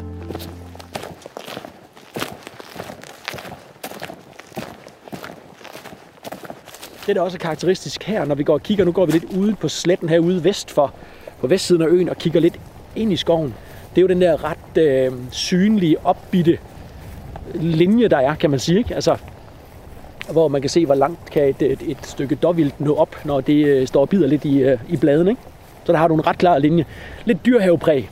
Øh, og det er jo ligesom et udtryk for, at der er mange dårdyr. Altså, det er, så, så simpelt er det, ikke? Ja, har I øh, nogen for, som helst fornemmelse af, hvor mange dårdyr der er her? Ja, det, øh, det har vi. Øh, og vi prøver øh, det bedste, vi kan, og at, øh, at holde styr på den. Og øh, i sådan en forvaltningsøje med, så er det meget rart at vide, hvor mange dyr står der, når man kommer efter en jagtsæson, altså ved udgangen af januar måned. Ikke? Altså, så man har en forårsbestand inden kalvesætningen. Og den har vi nu dronetalt med sådan noget varme øh, følsomt udstyr, og flyver man rundt med den i forårsmånederne, så bonger dyrene faktisk ud med, med den varme, de udgiver. Og så får man sådan et rimelig præcist tal for mængden af dyr på øen. Vi har ikke en masse nåletræ, så der er ikke sådan en masse steder, hvor dyrene kan gemme sig. Så vi har en idé om, at vi får de fleste med. Og der, hvor vi mente, at det var, at nu var det, nu var det til den gode side, der, der talte vi jo faktisk over 800 dyr øh, på en af de første tællinger. kunne godt se, at det, øh, vi, vi vidste godt, det var galt. Vi vidste ikke, det lige var så galt på det tidspunkt. Øh, og så agerer vi ud fra det. Og så sætter man så nogle afskydningsmål og siger, men så må vi jo så må vi tage nogle flere dyr ud. Øh, og det kan vi faktisk se nu her over årene, når vi, lige, når vi ser på, hvad er afskydningsmålet, og hvad tager vi ud, og hvor mange dyr står der så året efter. Så, så kan vi se, at hvis vi kommer op og får taget 300-360 dyr ud, kan man sige, i løbet af en sæson, så falder mængden af dyr herover. De sidste to sæsoner er vi kommet ud af sæsonen med næsten det samme mængde dyr. Det er lige godt 500 dyr, vi tæller herover. Og det er, når vi tager omkring 180 dyr ud, at vi så stadigvæk ender der. Det vil sige, så, så tager vi faktisk kun lige tilvæksten, så får vi ikke taget mere med. Og der vil vi øh, holde det op. Der er masser af dyr i øh, skoven foran os. Så tager vi kun lige tilvæksten med. I den forgangne sæson er det covid-19, der har gjort, at vi ikke har kunnet øh, samle og afvikle den mængde jagter, vi egentlig gerne ville øh, herover i løbet af efteråret for at tage de dyr ud. Men igen, så skal det jo ses i sammenhæng. Altså, vi kan jo øh, vi kan lave nok så meget herover ved at regulere dyr, men hvis det er en sammenhængende, nu siger jeg hvis, det mener jeg bestemt, det er, det skal komme ind på, hvis det er en sammenhængende bestand med hele bestanden ind på Nordfyn, som har været voksen i en lang årrække, så har vi jo nogle forbundne kar på en eller anden måde. Ikke? Altså, så kan vi se, at dyrene de veksler. Vi har ment i en årrække, at der var en, der er i hvert fald ikke nogen tvivl om, at i efterårsmånederne, der veksler der hjortehud. Det er en historisk set en, en brunstplads, og der vildede brunster lidt på en anden måde end, end krumvildet, hvor krumvildet ligesom sådan er en stor hjort, og så har han en, en rudel hinder, som han så bliver sammen med, kan man sige, indtil de er klar til at blive beslået. Der er dårvildet lidt anderledes. Der stiller hjortene sig op og laver den der sådan lidt sjove bøvsen øh, brøl, de nu laver. Øh, og så går dårerne rundt og opsøger den jord, de synes, der dufter og lyder bedst. Øh, og der er et bundscenarie herovre, øh, der i, det plejer at være hen i slutningen af oktober, som er fuldstændig fænomenal. Altså, og der kommer masser af hjorte til, også mere end vores, skal man sige, vores egne hjorte herovre. Og jeg vil våge påstå, at vi kan se forskel på dem. Vi kommer ikke til at se hjorte med store skovle på i dag, fordi de har lige kastet dem, de er i bast, de er ved at sætte nye op. Men, men hvad skal man sige, Æbeløs egne hjorte er meget lyse i skovlen. Når de fejrer basten af, så ser man, øh, hvis man siger, en tendens til noget mørkere, mørkere skovle. Altså farven på skovlen er mørkere, når de har haft noget nåletræ. Vi har næsten ingen nåletræ herovre. Altså harpiksen i nåletræet giver farven, kan man sige, til gevirerne. Så vi kan i løbet af, af september og oktober se, at når det bygger op med hjorte herovre fra, altså nogen, der kommer fra Nordfyn, jamen så er det ikke, det er ikke vores egen dyr. Vi kan ikke kende de her hjorte. Det er nogle hjorte, der kommer, der kommer et andet sted fra, som kommer væltende herover. Så fik vi sat Københavns Universitet i gang med at sige, kan vi undersøge det her? Kan vi blive klogere på det her på en eller anden måde? Og vi havde nogle, øh, nogle studerende i perioder til at sætte vildkamera op på de her forskellige øer, hvor vi tænker, det kan være, at det er på det her hjørne af Æbelø Holm, at de stikker ind mod Fyn, at det kan være på det her hjørne. Så vi har sådan en 5-6-7 vildkamera, der pegede rundt. Det viser egentlig, at hovedvekslen, kan man sige, af dyrene, det er en, altså Æbelø ned over brødet, ned til Æbelø Holm, over til Drevet, og så fra Drevet, og så direkte over til øh, Ejlingen. Og jeg tror, det er noget med, at der er en bevoksning på de her øer. Så det er det, man ligesom kan pejle efter på en eller anden måde. Der kunne i hvert fald se på vildkamera, der var en hæftig ind- og udvandring af dyr. Altså nogle gange så er der sådan nogle vildt øh, kamerabilleder, hvor det første dyr udløser kameraet, og så er der sådan en stribe på sådan 30-40 dårdyr i vandet. Og de går jo både igennem 20, 30, 40 cm vand, men de svømmer altså også, hvis der er rigtig meget vand.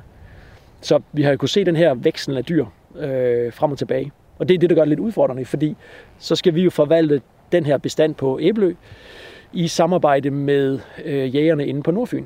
Så vi er selvfølgelig i dialog med øh, det, der hedder Nordfyns Hjortelag, som er dem, der startede op med at, at holde hånden over dårdyrene inde på, øh, på Nordfyn for efterhånden nogle år siden. Og det er en udfordring. Altså, det er en udfordring, fordi ja, et eller andet sted, vi ved ikke helt præcis, hvor langt vi skal ned. Fredningsnævnet har været herover, og vi har haft fredningsnævnet herover, fordi vi råber vagt i gevær og siger også, vi står med en udfordring her, som er på nippet til noget, vi ikke selv kan styre. Og så bliver man nødt til at være den ansvarlige arealforvalter og tage fredningsnævnet med over og sige, vi har en fredning, og hjælp os lige med at kigge på den. Hvordan, hvordan går det? Og det er selvfølgelig Nordfyns Kommune, der også spiller med på den. Så vi havde en delegation herover i oktober måned sidste år og kigger lidt på det, hvor vi snakker om, jamen, hvad kan vi gøre? Altså, hvor, hvad kan vi mere gøre for noget? Vi kan se lige nu, at i efterårsmåneden, så, stiller der, så er der rigtig mange dyr, der stiller sig ned på Æbeløholm og på Drevet. Og der må man ikke jage ned. Så der freder de ligesom sig selv. Så kan der let stå mellem 1.500 og helt op til 220 dyr på de her to små øer, vi har kørt over. Der står det så resten af sæsonen. Så vi har spurgt, øh, eller Nordfyns Kommune har spurgt fredningsnævnet, kan vi få en dispensation til på forsøgsvis i tre år, at måtte gøre noget derude. Man kan ikke ud på de der åbne øer. Det er ikke der, man kan gå ud og skyde en hel masse dyr eller nedlægge en masse dyr.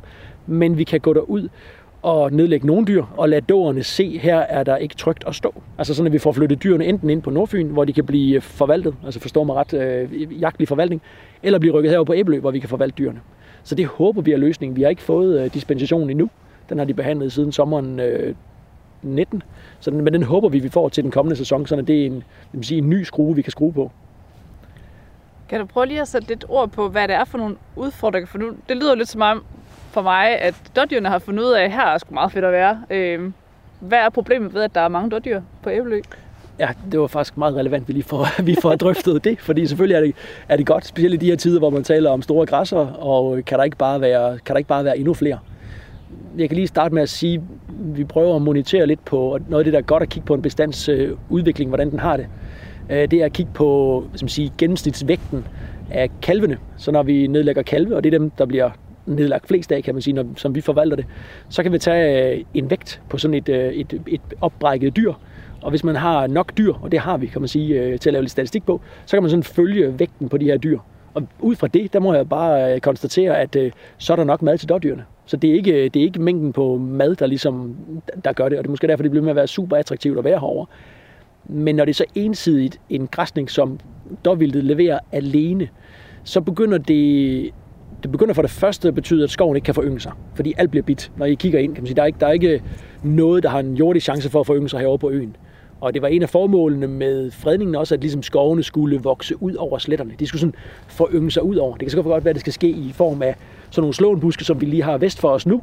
At ind i slåenbuskene, kan man sige, kan ting så komme op, så slåenbuskene skal være første led, altså nu er vi tilbage i man sige, den der udvikling i, hvordan kommer skoven ud over de her arealer, at det er det, der sker, men alt bliver bare bidt ned i øjeblikket. Og så kommer der nogle entomologer og råber lidt vagt i gevær og siger, ah, nu, nu er det bare svært at få øje på, øh, på ret, meget, øh, ret mange øh, blomsterhover. Altså vi begynder at være lidt bange for, fordi der er et enormt rigt insektliv herovre på øen, og vi begynder at blive lidt bange for, ah, hvad sker der, hvis vi bliver med at se den her græsning. Så der er sådan to ting i det. Der er skovens foryngelse, øh, og den er jo den er ikke eksisterende lige nu. Skoven forynger sig ikke. vi kunne sige, jamen, kan, vi ikke bare, kan den ikke bare lade være med at forynge sig i 10 eller 20 år? Jo, det kunne den godt. Det, det er vi jo oplært i, kan man sige. Men så kommer den, så piller vi dyrene af, om, så sker der et eller andet. Så om 30 år eller 40 år, så kan være den forynge sig igen, kan man sige. Så, så, så der skal man bare have lidt is i, i maven. Men med det andet kan man sige, hvis vi begynder at miste arter, som ikke kan værtskifte med en eller anden plante, eller gøre det, der skal til herover, så begynder vi at være sådan lidt, ah, det er måske ikke så super godt så. Så det er egentlig lidt der, at vi, øh, vi føler os ansvarlige til at sige, så må vi gøre noget. Mm. Og det er så at skrue på de skruer, vi kan skrue på. Altså skrue lidt op for regulering på øen. Øh, skrue op for reguleringen de steder, hvor vi ellers har jagtret. Altså inde i Langø Plantage herinde på Nordfyn, inde ved Gyldensten Strand. Tag nogle ekstra dyr ud der. Gå i dialog med nogle af de nordfynske lodsejere herinde for at- tale med dem om at sige, hvornår, hvor mange dyr skal der være her på Nordfyn? Hvornår er nok nok? Altså vi har været med til at tale om, da der var 1000-1200 dyr samlet set i nordfynsk bestand. Der kunne jeg så se, at så var to tredjedel af bestanden herover. Nu er bestanden et eller andet sted mellem, jeg ved ikke, 2-2.500 dyr. Øh, og, og det, er der for, det er der forståelse for. Vi har heldigvis, altså det, dem har vi været i fin dialog med. Og så har vi prøvet på at løbe lidt fælles forvaltning i gang på den måde, at vi prøver at lave et par fælles jagter. Altså hvor vi laver sådan et fælles regulering en dag i, øh, i en i december og en i januar. Og så får vi ligesom sagt, jamen den dag fra 9 til 12, der jager vi, øh, vi alle sammen. Det vil sige, forstyrrelsen bliver, altså udtaget bliver bliver større ved mindre forstyrrelse. Så hvis alle sidder på det, fordi det er, sådan, det er mange små matrikler inde på Nordfyn, så det er svært at optimere, kan man sige, en forvaltning af en hel bestand på tværs af så mange små matrikler. Så kan man gøre det i de enkelte små konsortier i nogle af skovene, men kunne vi nu alle sammen finde, at vi hvert år har x antal dage, hvor vi går ud og gør lidt ekstra i nogle timer, så kunne det jo være, at vi øh, sammen kunne få taget flere dyr øh, ud. Og det er sådan det, vi så småt ved at få løbet i gang nu her. Sidste øh, gang, vi havde en, havde vi både gang i regulering på Ejlingen, og de mennesker, der sidder lige umiddelbart øst for Ejlingen inde på fastlandet. Øh, og vi havde gang i Langø Plantage, og vi havde gang i, altså vi havde inviteret til sådan en fælles øh, parade eller fælles øh, afslutning på dagen op på Gyldensten. Og der kom der flere op. Det var faktisk ret positivt at være med til, for der kom øh, stimle flere mennesker ind, der har været sammen om det her. Men det er, det er ikke bare noget, man, man knipser og gør. Det har vi været, det har taget en 3-4 år at komme hertil. Så jeg sidder også og tænker, at det her, vi kan komme her igen om 5 år og drøfte dårvildt og se, hvad så? Fordi det er ikke bare noget, vi lige gør på et år eller på to år. Mm. Nej, og nu, vi har været lidt inde på det. Altså, dårdyrene kan jo simpelthen selv gå frem og tilbage, som de, som de lyster, men de går måske mest bare øh, herud og ikke så meget tilbage Jamen, igen, eller hvordan? Øh, kan I Det fornemme det? super, nej, det kan vi ikke fornemme. Det er super svært altså, at, at kigge på en bestand af noget vildt. Vi sidder ikke herude hele tiden, så vi kan jo ikke hele tiden registrere, hvad løber frem og tilbage. Enkelte hjorte, som man kan kende på gevirerne, eller andet, kan man måske kende og sige, okay, den, den, den, det er ikke en af vores, så nu går den hjem igen, kan man sige. Fordi efter brunsten, så mange af de nordfynske hjorte, de, de lister tilbage igen af vores opfattelse, når vi kommer et stykke hen i december, så har vi ikke den mængde af hjorte tilbage herovre. Når vi kommer til januar måned, så har vi helt sikkert kun vores egen hjorte tilbage. Men det er jo ikke kun handdyr, der trækker frem og tilbage, det er også hunddyr. Men nu kan se, vi så vi en rydde her før. Der er ikke så stor farvemæssig spredning på dyrene. Nogle steder har man jo både hvide dårdyr og mørke dårdyr og sådan noget. ikke? Der er lidt skalering i farven herovre. Der er nogle enkelte, der er lidt mørke og sådan noget, men du kan jo ikke se ud af en rydel øh, dyr på 30-40 dyr, om det er den ene eller den anden eller den tredje rydel. Så om den rydel, du ser i vandet, løb fra et sted til et andet sted, jamen er det det samme som, at det er æbledyr, eller det er nordfynske dyr, eller, eller hvad er det, ikke? Altså, vi kan bare registrere, at vi har skudt, øh, vi har nedlagt en då herovre på øen, som bliver, øh, hvad hedder, øh, opbrækket, og der bliver så snittet i, i, øh, i mavesækken, kan man sige, da det kommer ud. Og den, den er fyldt med majs. Altså fuldstændig propfyldt med majs. Og det er sådan lidt, okay, altså vi fodrer jo ikke øh, med majs herovre. Øh, Vi fodrer ikke, der er ikke majs på nogle af øerne, hverken på Drede, Æble, Holm, øh, Ejling. Så den har været helt inde på Nordfyn og finde sig en eller anden fodautomat derinde og fyldt sig godt op. Og løbet hele vejen herover på Æble og har været med i dagens jagt og er blevet nedlagt herover. Ikke? Så det siger noget om, altså, så hvis et dyr i løbet af en nat eller en dag, kan man sige, kan veksle frem og tilbage, jamen, og på så bliver der mørkt, så ser vi ikke, hvad der sker. Mm. Så er det bare svært at holde styr på. Altså, vi kan have en idé om det herovre, når man kommer over på øen, og man begynder at drive lidt rundt med vildtet. Hvor mange dyr har vi, har vi en idé om, der står på øen? Er det, er det 300 dyr i dag? Er det 500 dyr? Men, men, men det ved vi jo reelt ikke jo. Altså, hvis, næste trin i det her, hvis vi skal blive endnu klogere på det, så skal vi jo have monteret GPS-halsbånd på nogle af dyrene, for at kunne tracke nogle dyr, så man, for at følge dem frem og tilbage. Det er bare en lidt dyrere ting at sætte i værk, men det kunne være spændende. Skal vi bevæge os lidt øh, længere ind God idé. i skoven? God idé. God idé.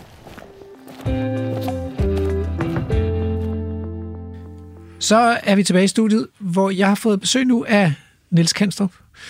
Du er biolog og hvad fanden skal man, altså jagtkonsulent eller øh, vildt øh, naturplejeforvaltnings... Ja, vildt. I gamle dage ville det hedde vildt biolog, men det begreb, det er måske glædet lidt ud. Men jeg er uddannet biolog fra gode gamle Kalø, og mm. har så igennem en lang karriere både været ansat i private organisationer, og jeg har haft, eller har stadigvæk mit eget lille rådgivningsfirma, der hedder Dansk Jagtakademi, og så er jeg tilknyttet Aarhus Universitet på Kalø som adjungeret seniorforsker. Ja, vi, vi gider ikke uh, have noget fra Aarhus Universitet, men Dansk Jagtakademi, det lyder godt. Det tager vi. Øh, fordi nu, skal vi, uh, nu har vi lidt tid, hvor vi skal prøve at finde ud af, hvad er der egentlig inde i hovedet på en jæger. Øhm, fordi, fordi første time, og også på reportagen, har vi talt en hel del om, om hjortevildet. Og det er vel øh, det ypperste i Danmark for en jæger. Det er vel, det, det er vel øh, en hjort, eller hvad? Er der noget, man hellere vil skyde end en hjort? Det afhænger meget af, hvem man er. Og jeg tror, at udgangspunkt det er, at man skal ikke se jæger som én ting. Jæger, de er meget diverse, og der er smag og behag. Øh, nogen er så næsten subsistensjæger, for dem der er det at skyde en krigand ude på stranden, det er det ypperste. Og andre, de er måske sådan lidt mere bundejæger, og kan måske på nogle områder se sig selv i at dyrke noget vildt op, og, og nedlægge et stort trofæ, og der er det klart, at et stort råbuk eller en kronhjort, det er det, det øverste. Men som udgangspunkt skal man ikke skære alle jæger over en list. Er der også krybskytter? Altså, nu spørger jeg bare. Ja, der er krybskytter. Ja, det er der. Det er jo en, en lidt diffus, et lidt diffus emne, fordi at man krybskytter bare fordi man overtræder jagtloven. Ja, så er der mange krybskytter. Øh, der er mange jagtlovsovertrædelser. Der er også mange, der overholder jagtloven til punkt og prikke. Ej, jeg, jeg tænker med krybskytter, jeg tænker mere på sådan en, der tænker, ej, ej nu bor jeg bare til leje inde i byen, men, øh, men jeg kunne egentlig også godt tænke mig, og jeg er også en, en god jæger. Så nu lister jeg lige ud hos godsejeren, han har sgu så meget. Sådan lidt Robin Hood-agtigt, ikke? Og så kan man jo dele byttet med sin, en, en, en bred vennekreds inde på kollegiet, eller hvor, hvor ved jeg.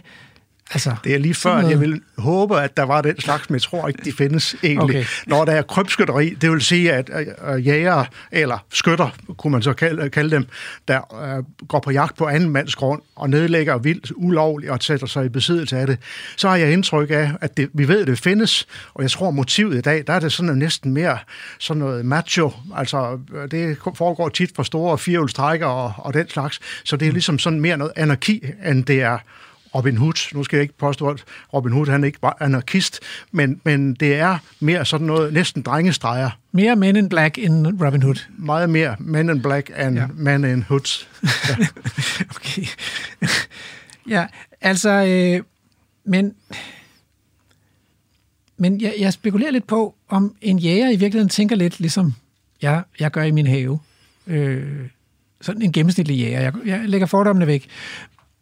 Fordi der har jeg jo nogle meninger om, hvordan naturen skal være. Jeg vil gerne give plads til den vilde natur, men jeg kunne også godt tænke mig, at den blev rig og mangfoldig. Jeg vil gerne have en, måske hvis jeg kan få nogle flere køllesværmer, og måske nogle flere blåfugle og en enkelt okkerguld pletvinge, så vil jeg ligesom være glad, ikke? Og så, så går jeg sådan og nusser om det, og tilpasser levestederne, så de lige passer til de her arter, jeg gerne vil invitere ind i min have, og, og så er der også nogle forkerte arter buresnær. Jeg vil ikke se den art i min have, vel? Altså, så, så, så jeg går også og rydder den der buresnær, og alligevel så stikker sit hoved op rundt omkring. Tænker jægeren også sådan, at der er forkerte arter og rigtige arter, og, og man går sådan lidt og, og nusser og dyrker de rigtige? Og... Ja, de fleste af os gør, og den, mm. den vil jeg gerne, der vil jeg gerne selv koble mig på den også. Vi har stadigvæk, tror jeg, nogle poetanske jæger, som er ligeglade med at forvalte naturen. De vil bare gerne ud i den og høste af den. Mm. Øh, ligesom man fanger en skrubbe på stranden, hvis man er lystfisker. Der går man ikke at tænke, der går man ikke at dyrke skrubber. Det er sådan en form for subsistensfiskeri, mm. og de findes. Men i dag tror jeg, at de allerfleste jæger, ligesom du selv, har en en bundet tilgang. Altså det, det kommer af, at vi ikke stammer oprindeligt, jo måske helt oprindeligt fra jægerbefolkninger, mm. men de mennesker, vi er i Danmark, vi, vi, vi stammer fra en bunde øh, befolkning, en forvaltende befolkning. Så uanset om man er jæger eller man er haveejer, så prøver man ligesom at optimere. Altså det ligger også i begrebet vildforvaltning, øh, at man optimerer, man dyrker et eller andet medie. Og det kan være en have, eller det kan være et jagtareal. Og så er der nogle jæger, der går meget specifikt efter et eneste element. Det kunne være et kartoffelbed. Hvis det nu kun var kartofler, du ville have, så skulle du selvfølgelig ikke have bursnære, men du skal heller ikke have noget som helst andet. Og hvis du gerne bare har kål, så skal du heller ikke have de her kålfugle, som jeg kan se er begyndt at flyve nu, som mm. virkelig er en pest at have mm. i kålbedet, men de er jo stadigvæk en del af, biodiversiteten. Mm. Men der tror jeg, at der inden for jægerkredse også findes sådan nogen ligesom, lidt ligesom dig, som gerne ser det hele meget diverst, og så mange arter som muligt, så meget kvalitet, øh, diversitet som muligt, frem for bare kvantitet og ensretning. Men de fleste af os, vi har det, det, det med, at hvis der lige er sådan en borsnær Ja, det kan så Det i kunne være en morhund. Det kunne være en morhund. Nu er de så ikke... Øh, øh, det er sådan en invasiv art, kan man sige. Og så kan det være rynkerose og morhunden, ikke? Ja, de er så begge så invasive, men ja. altså man kunne så også godt finde en hjemmehørende dansk art. Nu en krave, en ja. gråkrave for eksempel. Ja. Det er jo en, en helt oprindelig dansk art. Den tror jeg, der er mange jægere, der er rigtig trætte af på deres terræn, fordi nu har de lige akkurat fået et par ærehøns til at yngle, og så er de irriteret over at se den der krave, eller det kunne være en rørhø, der ligger og patruljerer mm. markerne af. Mm. Så, så der kunne rørhøen godt være vores svar på de Bursnære. Vi rykker oh. den så bare ikke op, fordi den er så beskyttet hvad bursnære, uden jeg skal komme sådan til botanisk øh, orakel, så mener jeg ikke, at der er nogen fredning af bursnære endnu. Men nu har du talt pænt om jægerne, så så kan vi jo godt også lige åbne den der øh, den, den, den grimme side af det, som er, at der også er eksempler på, på havørne, der er blevet forgiftet, og duehøge og øh, glinter og så videre. Noget af det der rovtøj, som er blevet lagt lidt for had, også selvom det ikke er tilladt at, at regulere dem. Men det ved vi, og vi ved, der bliver øh, skudt ulve. Vi har i hvert fald Ja, et ja. bevis for en, og vi har god evidens for, at der i øvrigt Forsvinder bliver, nogen. Der forsvinder nogen, Ja. og de bliver formentlig skudt. Ja. Og er det så jægerne?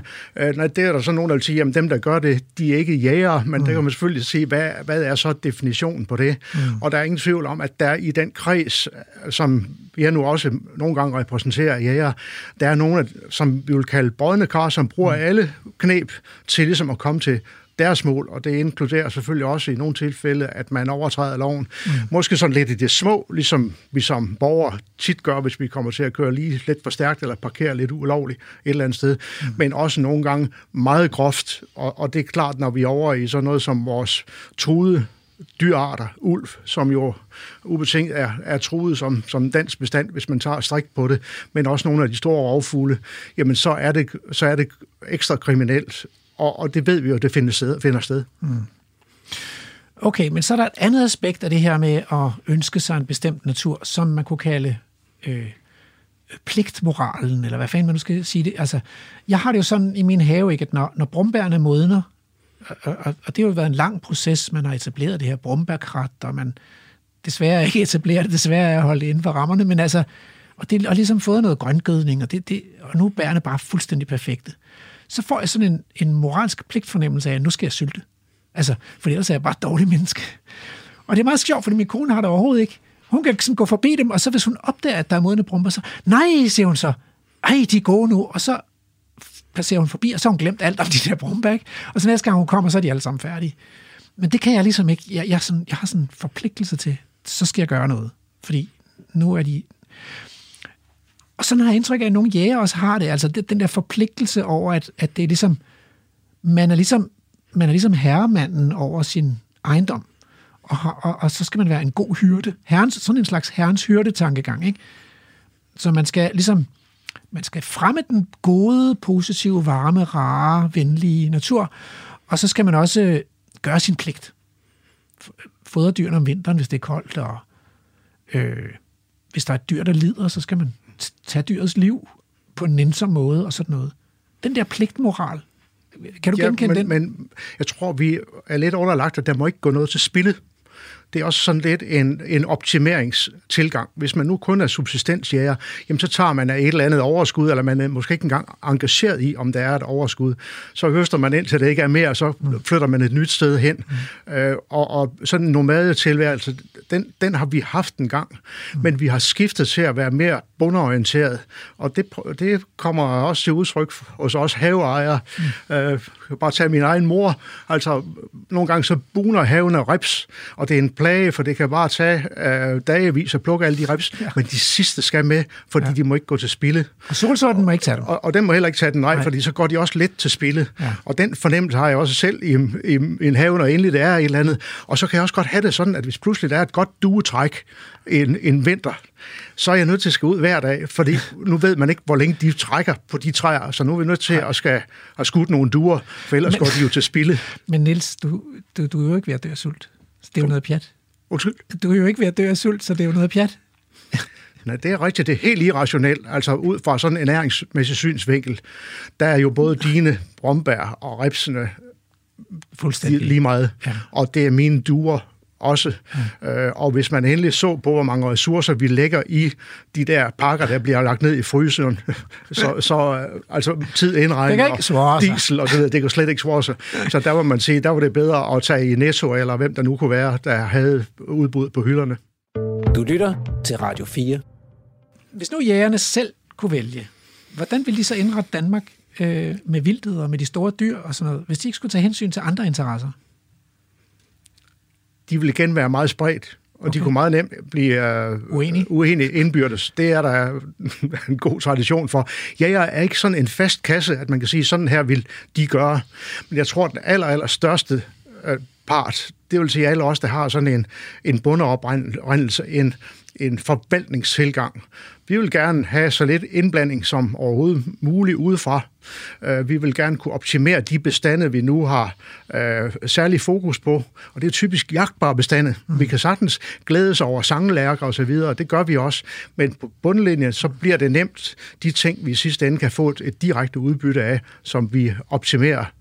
Så jeg tror inde i hovedet på mange jæger, der tror jeg, der sidder et eller andet med, kunne I bare slippe for den der ulv? Fordi den render rundt og jager med vores krondyr og æder nogle af dem. Så den vil vi gerne af med, for vi vil gerne have de krondyr. Øh, Så på den måde bliver ulven øh, en slags konkurrent øh, til os, og, og, og dem vil vi gerne have med. Så sådan tror jeg, de fleste jægere har det. Mm. Men du kan også sagtens finde nogen, som opfatter en ulv fuldstændig som en jæger på lige fod med en selv, mm. som man respekterer. Og du vil sagtens kunne finde nogen, der kan bruge øh, tre uger på at skyde to gæsse ude på stranden og sidde og fryse i en, i en skydepram fra morgen til aften, og de vil aldrig gide at begynde at lave vildt af eller prøve at optimere på en eller anden bestand af fasaler eller noget. Så der er meget stor, øh, et meget stort spænd imellem forskellige typer af jæger. Men altså, kan du så forklare, hvorfor er det, hvorfor er det så vigtigt for de der jæger, at, at bestanden af hjortevildt skal forvaltes? Altså, hvorfor kan man ikke bare... Nu for eksempel på Æbelø, ikke? Der er ikke noget hegn, så der er ikke nogen, vi har ikke pådraget særlig ansvar, og dyrene er jo ikke ejet af nogen, og det er jo, de er jo egentlig bare deres egne, og der er lige præcis så mange dyr, som der er levemuligheder til, hverken fra eller til. Hvorfor, hvorfor skal de forvaltes? Hvad er, det, for- er det ikke bare en tvangstanke? Jo det, jo, det er muligvis en tvangstanke. Jeg tror faktisk, at det er noget, der ligger meget dybt i os, altså i vores, måske ikke ligefrem i DNA'et, men i vores opdragelse. Jeg tror igen, det stammer fra, at der ikke må være noget spil. Vi, vi får, har nogle ressourcer, som vi skal få. Det, det er lidt det med at være hyrde igen, mm. og, og det ligger så dybt i os.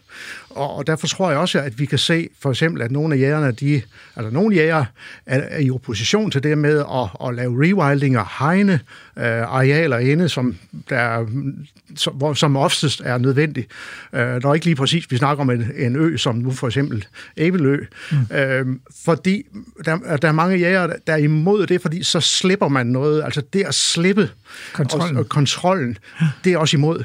Og vi kunne, altså der er hele det aspekt af, at så bliver dyrene måske udmagret, hvis ikke de får mad nok, mm. skal vi ikke fodre dem, og skal vi ikke, hvis de begynder at blive lidt øh, svækket og syge, mm. så har vi en pligt til at aflive dem, eller måske ovenikøbet medicinere dem. Mm. Så altså, at der er den der trang til at være, være hyrde, mm. og der er meget stor øh, sådan modstand, eller i hvert fald skepsis over for bare at slippe ting. Og det tror jeg kommer af vores, øh, igen af vores tradition, altså vores traditioner som bønder, hvor vi påtager os ansvaret for nogle dyr, og det er vi svært ved at lægge fra os.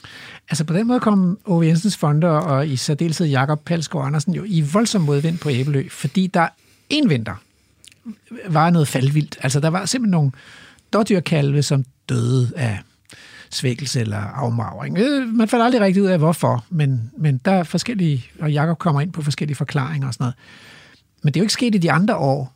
Så hvorfor, hvorfor sådan en, et raseri og sådan en shitstorm over noget, som måske bare er helt naturligt? Jeg kender godt den episode. Jeg er ikke klar om det mest var jæger, eller det var befolkningen i bred almindelighed, der, mm. der, der fik så meget øh, ondt et vist sted af de der få øh, kalve, mm. øh, dogkalve, som, som døde formentlig af sult eller mm. et eller andet underernæring.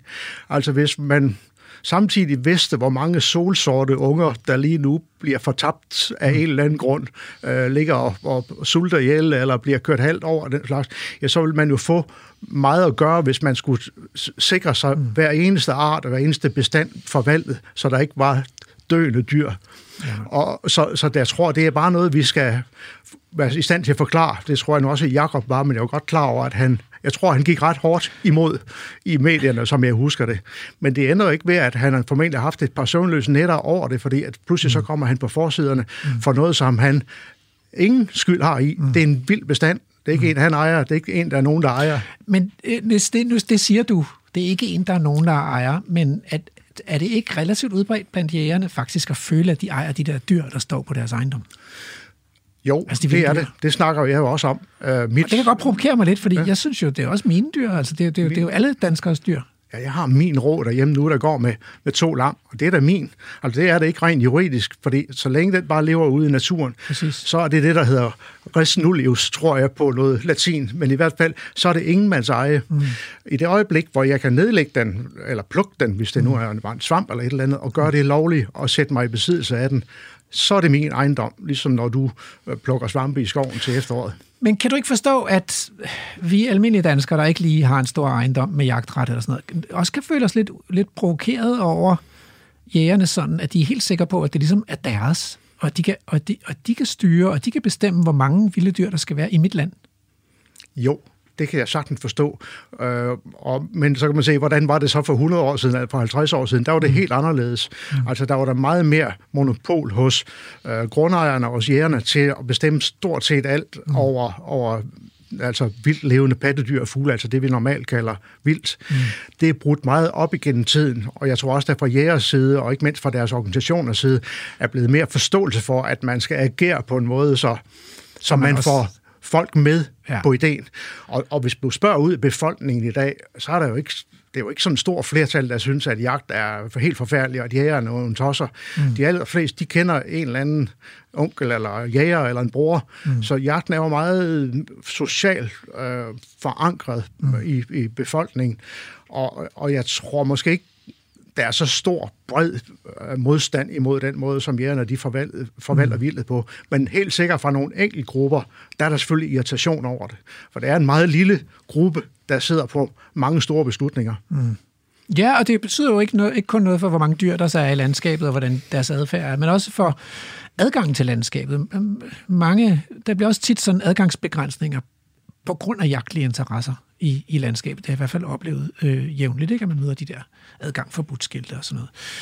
Øhm, men, men vi har også oplevet det her i forbindelse med naturnationalparkerne, ikke? at den, den gruppe af mennesker, som har været mest modstander af strengt beskyttet natur uden jagt, det har jo været jæger, altså. Så, så øhm, er man også sådan lidt, lidt nedkær her, altså fordi vi taler om nogle få procent af Danmarks areal, hvor man vil lave streng beskyttelse. Vil det ikke være okay, altså? Der, og der, det synes jeg personligt er lidt af et selvmål, fordi der synes jeg, at skulle gå forrest og sige, okay, her har vi en mulighed for at dyrke, øh, hvis det er endelig det, man vil, eller bare slippe og sige, nu, nu satser vi på, at de her naturnationalparker, de kommer til at bidrage med større biodiversitet i nogle få områder, altså et meget lille areal. Mm. Der må man så afse nogle jagtmuligheder, øh, og det er klart, at man som jæger tænker man på, jamen er det så steder, jeg ikke kan komme mere? Mm. Der vil jeg vende den rundt for jægerne og sige, jamen hvad har vi så udenom, og hvad har vi der, mm. vi kan være med til at forbedre? Øh, så, så det med A og B og C naturforvaltning, det er jo stadigvæk et tema, mm. øh, men personligt synes jeg, det er lidt et selvmål, at jægerne, de mange steder, det er ikke konsekvent, men mange steder ser man, at de går imod mm. øh, Naturnationalpark-ideen. Ved du hvad, det bliver de sidste ord. Tusind tak for at gøre os klogere på, hvad der er inde i en jæger. Også selvom det ikke var, kun var én ting, så jeg må simpelthen lægge min fordom væk. Men uh, tak, Niels. Selv tak, det var en glæde at være med.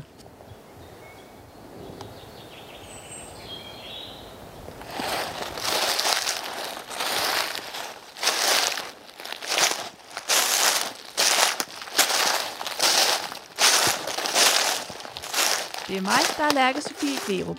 Og lige nu er du på reportage i Vildspor på Radio 4.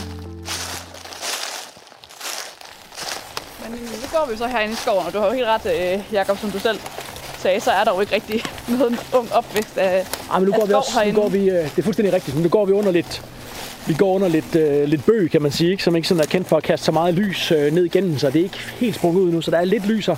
Og så er det sådan lidt, sådan lidt, lidt forblæst vestkant af skoven. Så, så bunden er meget, er meget græsfyldt, kan man sige. Ikke?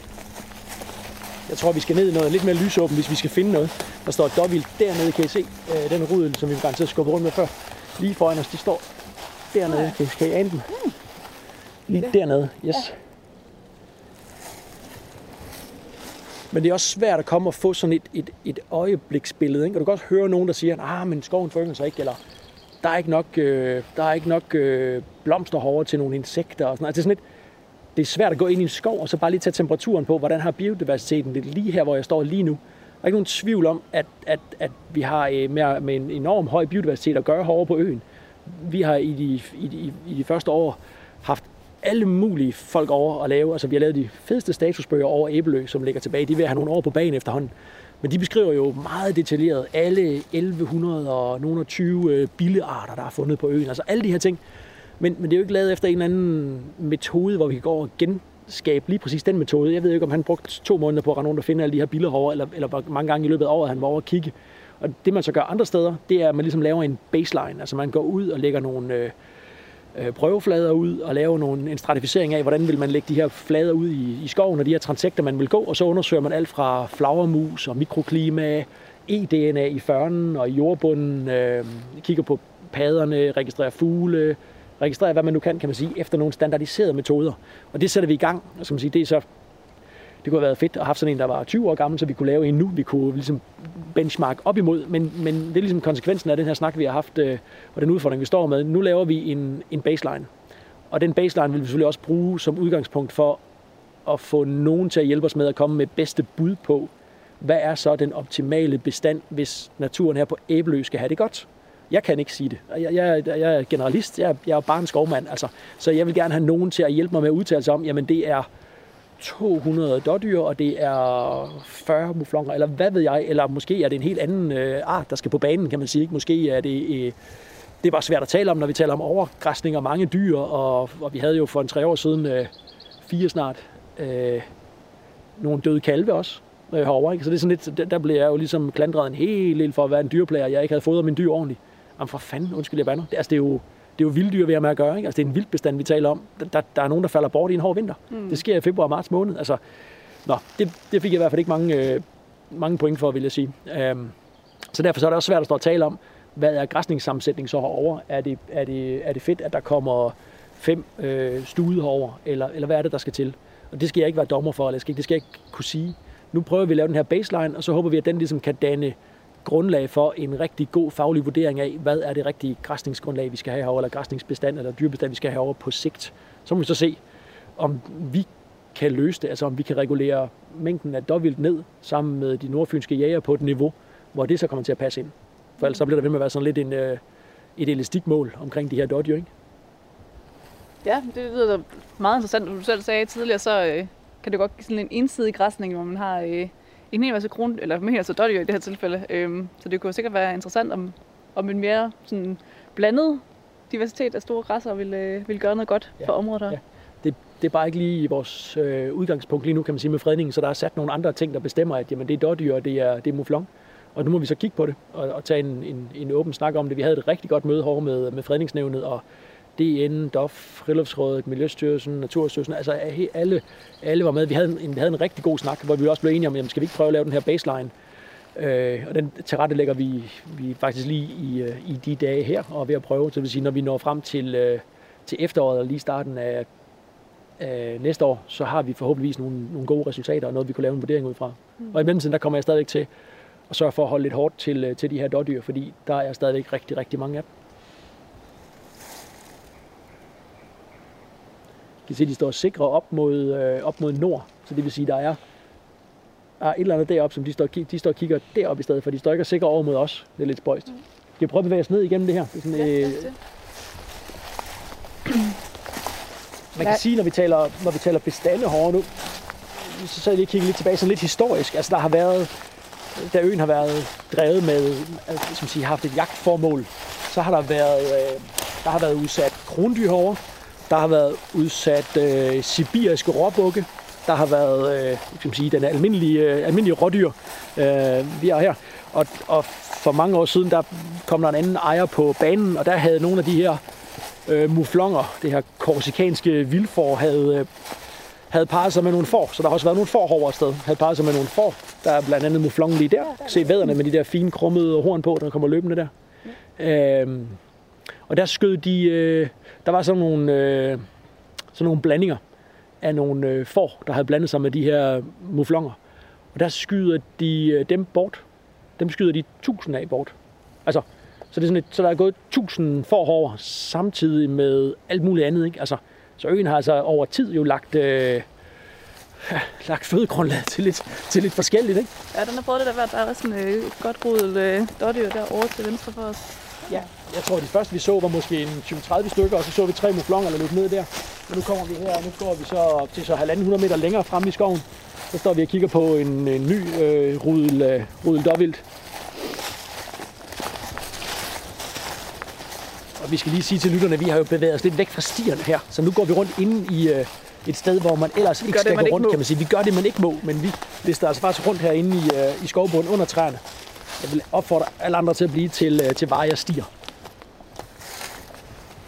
De står lige så fint og sikre herude, de her dyr. De har også været ude på øh, jeg kan sige, det, det, det åbne land herude mod, øh, mod vest. Jeg, når jeg lige står og observerer dyrene nu, så kigger jeg selvfølgelig på deres hul. Altså noget med, øh, i hvor god stand er de. Og der er nogle totalt smellerfede store dår, der skal sætte sig en kald herinde længe. Så er der de her, så er der nogle smaldyr, som hvad skal man sige, er hunddyret fra sidste år, samme aldersklasse som spidsjorden. Øh, og så kan man nogle gange være heldig at kigge lidt, om der er en, en, en lidt skravlet kald tilbage fra året før, som ligesom kommer til slut i noget af det der. Sådan noget. Det, var der ikke, øh, det var der ikke her. De her, de ser alle sammen ud til at være ganske fine og velnærede. Og det er altså også meldingen. Altså, dyrene bliver jo, øh, når de er nedlagt herover, så bliver de øh, opbrækket herover, og så bliver de jo øh, flyttet ind til en vildhandler. Øh, og meldingen fra vildhænderen har været, at det er dyr i rigtig god foderstand. Altså, det er gode, øh, det er gode øh, dyr i god stand. Så kan man så sige, hvorfor var der så nogle dyr, der døde herover? Og det er mig stadigvæk en gåde. Men tilbage i marts øh, 2017, der fandt vi øh, en 30-35 døde øh, kalve nede på Æbeløholm, altså den, som vi kommer ned over med, da vi kommer herud øh, og kører henover. Der i nordenden af Æbeløholm, der er der sådan en gammel skanseværk, nogle volde, og så er der sådan lidt, lidt fyrebuske der. Og inde under de der fyrebuske, der lå øh, de her øh, kalve. Og jeg tænkte, der må være sygdom, der må være et eller andet. Vi sendte nogle af dem ind til undersøgelse for at finde ud af, er de syge? Hvad er det, der har taget livet af de her dyr? De var simpelthen bare udmagret. Der var ikke, øh, der var ikke mad til dem. Altså, det var en, en, en, en, kold tid, og der var ikke mad til dem, og hvor jeg så tænker, hvorfor, hvorfor var det ikke bare gået ind på Fyn? Altså ligesom de ellers gør. Og det har jeg virkelig, det har voldt mig meget, øh, mange tanker om, hvorfor hænger, det, hvorfor hænger det sådan sammen, nu når vi ved, at dyrene de migrerer frem og tilbage. Og et eller andet sted er jeg kommet frem til, og jeg ved ikke, om det er den rigtige teori, nu kan jeg i hvert fald komme med min teori på det, det er, at der har været en, en ren æbeløbestand på et tidspunkt, og der har været en ren sige, bestand inde på Nordfyn. Så har der også været, at der har været nogle enkelte hjorte, der har vekslet lidt frem og tilbage. Der har sågar været et lille hegn hernede syd for øen, med en fagrest og et hegn, der gik lidt ud i vandet. Men jeg har oplevet andre steder, man kan altså ikke øh, styre vildt, kan man sige. Når der først er en kønsdrift i dyrene, så svømmer de bare udenom. Dårvildet er faktisk en blændende svømmer. Så, så lister de bare udenom hegnet. Kunne man da forestille sig, at det her er på et tidspunkt, hvor og, i 17, der krydsede der også dår og kalve frem og tilbage mellem Fyn og herude. Kan man forestille sig, at der har noget af bestanden fundet ud af det. Enten nogle nordfynske dyr, eller nogle æbledyr fundet ud af, at vi kan faktisk krydse ind. Det er sådan nogle af dem, der har gjort det. Og så er der andre, der ikke kan. Altså muflongerne for eksempel, de ved, jamen vand, det kan man ikke krydse. Vi har så i sommer, da der var knastørt, der er der så nogen, der har krydset fra Æbleholm over til Drevet, som så står der. Og historisk set er der vist kun én vædder, der engang for nogle årtier siden var gået i land en, en eller anden knastør dag, der var gået hen over en hvad skal man sige, havbunden og gået ind på Fyn. Ellers så bliver muflongerne herovre. Det er ligesom indbygget i dem. Jamen, det, er sådan, det er sådan, vi gør. Kan man forestille sig, at det er indbygget i nogle af dårdyrene? Altså, der ligger jo en viden i dårerne, altså de gamle dår. Jamen, her til jeg ikke længere, det her jeg bliver. Og så er det nogle af de gamle dårs kalve, kan man sige, som har været tilbage herude på et tidspunkt, hvor der ikke har været meget mad tilbage. Der har været bidt, øh, der har været bidt godt ned den sæson. Og så ender de med at dø herude. Øh, jeg ved det ikke. Altså, og så efterfølgende, så er der ingen problemer. Så er de alle sammen smelter fede, og alting fungerer godt. Så det er sådan lidt, jamen, hvordan hulen gør man det op, og hvad kom det af? Der var ingen sygdom i dyrene. Og vi har haft, øh, DTU herude og undersøge dyrene for parasitter og alt muligt andet, for at finde ud af, jamen, kan det være, kan det være sygdom, kan det være lungerum, kan det være, kan det være alt muligt andet sådan noget. Og det er det ikke. Der er fuldstændig samme parasitbelastning, som der er, øh, sige, den der baggrundsparasitbelastning, der er i resten af landet, den er der også her. Altså, så det er heller ikke det, der gør det. Så det er sådan lidt, ja, det finder vi aldrig nogensinde ud af. Altså, men det er, jeg synes, det er dybt fascinerende at være med til at, at forvalte, for det første noget mega fed natur, som vi står midt i lige nu, men også at være med til at stå i et, for, det vil godt kalde det en forvaltningsudfordring, kan man sige, ikke? med de her migrerende dyr. Altså at vi har et dyr, der bevæger sig så meget, som det egentlig gør. Og, og lige nu, hvis vi ser det på national plan, så har mængden af dårdyr i Danmark også overhalet mængden af krondyr.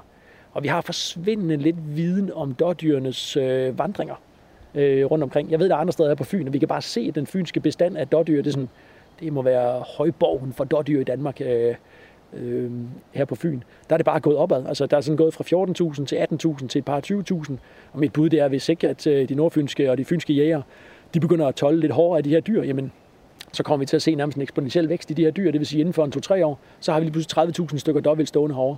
Det, altså ikke, her, ikke herover kan man sige, men på Fyn, altså samlet set. Ikke? Så jeg tror, vi kommer til at have udfordring. Her er det bare så udtalt på Æbelø, fordi her suser de over og står på en lille ø. Så det er super udtalt lige her, at hvad der sker, når mange dyr de vælter et sted hen. Men jeg tror, vi kommer til at se den i de kommende år, alle mulige andre steder også.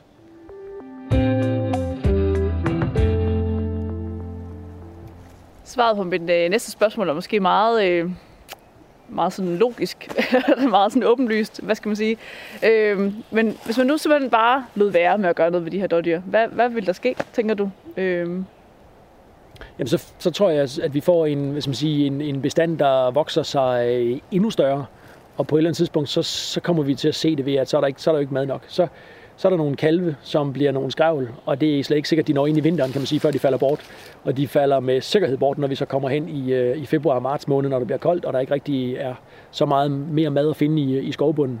Så, så tror jeg, vi ser sådan et, et, altså som man har set i andre store frie vildbestande, så ser man simpelthen et, et kollaps i bestanden, hvor der falder en tredjedel eller en fjerdedel eller endnu mere bort af bestanden, kan man sige. Der kan også gå sygdom i det undervejs og sådan noget også. Så øh, et spændende eksperiment, øh, hvis man gør det, men, men det ved jeg ikke, det er jeg heller ikke lige helt mod på bare at sige, nu vender vi bare ryggen til. Jeg synes, der, der er simpelthen for meget på spil herover. Der er simpelthen for meget biodiversitet, der er for meget natur på spil herover til bare at, at give slip og sige, nu ser vi, hvad der sker øh, den vej rundt. Det, det har, jeg ikke, det har vi ikke. Det har vi ikke mod på. Der, der ser vi os selv som den ansvarlige forvalter i at sige, jamen, der er sat, øh, ikke mindst, altså, der er sat nogle fredningsmål for, hvad skal, hvad skal være opfyldt over, ikke? og det er, dem, vi skal, det er dem, vi skal leve efter. Det er de rammer, vi har at agere indenfor. Så, så, så vi, vi, vi gør, som vi gør nu, og håber, vi i løbet af de næste øh, to, tre, fire sæsoner kan få bragt øh, mængden af dyr ned på et, øh, et niveau. Og så håber vi selvfølgelig, at den her baseline, vi laver her til sommer, kan kaste noget ny viden af sig til, øh, hvor tror vi så det magiske tal er. Hvad er det magiske tal for, at, at der er lige præcis de dyr, der skal være herovre. Jeg tænker i hvert fald, det kunne være et super spændende eksperiment, og jeg kan sagtens se, som du siger, at øh, der er nogle andre ting, der skal tage hensyn til, når man gerne vil, øh, vil lave god natur, så kan vi ikke bare lade, lade det køre, som, øh, som det nu kunne, men det kunne være interessant at se den naturlige udvikling af sådan en dårdyrbestand, netop fordi de kan jo bare gå væk. Altså, der er jo ikke noget hegn, der er sådan, øh, der er jo, det er jo en helt anden situation, end man har så mange andre steder, tænker jeg. Ja, men, men jeg må så bare sige, at det kom, altså, det kom noget bag på mig. Altså, det kom noget bag på mig, at, at vi havde nogle de der øh, døde øh, kalve øh, tilbage i, i, helt tilbage i, i, i marts øh, 17. Øh, Øh, men det er, jo sådan, det er jo en naturlig ting et eller andet sted. Altså, det er jo naturligt, når der ikke er føde, så, så, så, så gør vildtet sådan. Altså, så, så er det sådan, det er. Men at, at det blev kørt sådan rundt til, at øh, jamen, det er jo dyrplageri, og du har ikke fodret dine dyr ordentligt. Det er sådan meget en, meget nytte tankegang, meget landmandstankegang. Jeg siger, kvæg dyr, det er noget, man har. Sådan noget. Men det er jo ikke husdyr, det er vilddyr, det er os allesammens dyr. De her dot er ikke mine dyr. Hvis de løber ind på Fyn i morgen, så er det en anden mands dyr. Altså det er vores allesammens dyr, så det er ikke vores dårdyr. Altså, så det er sådan lidt, øh, men jeg synes godt nok, øh, der, øh, der måtte jeg lige lidt i, i pressen øh, for at tale min sag om hvorfor og hvad var der sket, og hvad var der, og hvad var der gjort, og hvad, og hvad gør vi, kan man sige. Og den, den plan, som vi ligesom hvis man siger, allerede lovede dengang, har vi jo fulgt op på hver evig eneste år lige siden. Og vi synes stille og roligt, at vi bevæger os i den rigtige retning, men der er, øh, der er bumps on the road, der er udfordringer. Det er ikke bare øh, sådan en linje, at nu kommer bare sådan, sådan og sådan, og så er I mål lige om to år. Så vi prøver os lidt, øh, lidt frem, og prøver at være lidt, øh, lidt pragmatiske i vores tilgang til tingene. Altså, det er en meget interessant øh, diskussion, altså at, at, at når du siger, at du skal passe dine dyr ordentligt, Jacob, men det, det er netop ikke dine dyr, de er jo bare... Øh... Det er jo ikke naturfondens dyr, det er ikke vores dyr. Nej, altså, det er, de det er jo det der, det er, de, de vilde dyr, det er vilde dyr. Det skal vi lige huske at skælde med, og det skal vi også lige huske, når vi taler spørgsmålet før, ikke med naturnationalparker. Altså, mm. jamen, der er også en forskel med det samme. Du sætter et hegn, så har du bare en anden forpligtelse til at tage vare på dine dyr på den ene eller på den anden måde, fordi de har ikke muligheden, for, som de her dyr har, for at, at migrere et andet sted hen. Det har dyrene heroverfra, ikke? Ja, nemlig. Det er det, Det er der, det, det, er det, der skiller de to ting helt ad, ikke? Mm. Ja. Og sjovt, at, at, at vi mennesker, der, vi, vi skal ligesom ind og, og bearbejde. Vi kan ikke... Øh, det er det der med sådan bare... Og, Jamen, det er jo noget og med natursyn. Det det- ligger, jo, det ligger jo dybt i mange, kan man sige, hvordan Ja. man skal gøre ting. Og det er hele den her nytænkning, kan man sige, med de her naturnationalparker, hele rewilding-tanken. Du, du ser, hvor meget det er oppe i pressen nu, kan man sige. Det er virkelig noget, der kan få, få øh, alt fra friluftsfolk til dyrevelfærdstænkere, altså helt op i det røde felt, ikke? Og det er jo bare et lille eksperiment, kan man sige, vi gør på nogle små arealer. Det er jo ikke, fordi vi sådan ruller det ud bare en square mile Mm. på tværs af hele Danmark. Nej, det er rigtigt. Der er virkelig kommet, øh, kommet gang i debatten omkring, øh, omkring de her store dyr i det danske landskab. Men jeg håber da, at, at ved sådan en lille tur på øen, at man sådan ved selvsyn kan se det. Altså hvis vi kunne tage lytterne med rundt, og så ligesom det her med, at man kigger rundt i skoven og kan se den her, altså det er sådan nærmest Jægersborg dyrehave, den her opbitte underskov, kan man se hele vejen rundt. Der er jo ikke blade på nogle af de her træer eller buske, selv små. Altså der er jo ikke blade, der kan nås nedefra af nogle dårdyr. Altså det sender et eller andet, øh, hvis I kunne se med, så kan I se det ret, ret tydeligt i, hvordan det her det er, er påvirket af dyrenes bid. Det er det helt sikkert, ja. Mhm.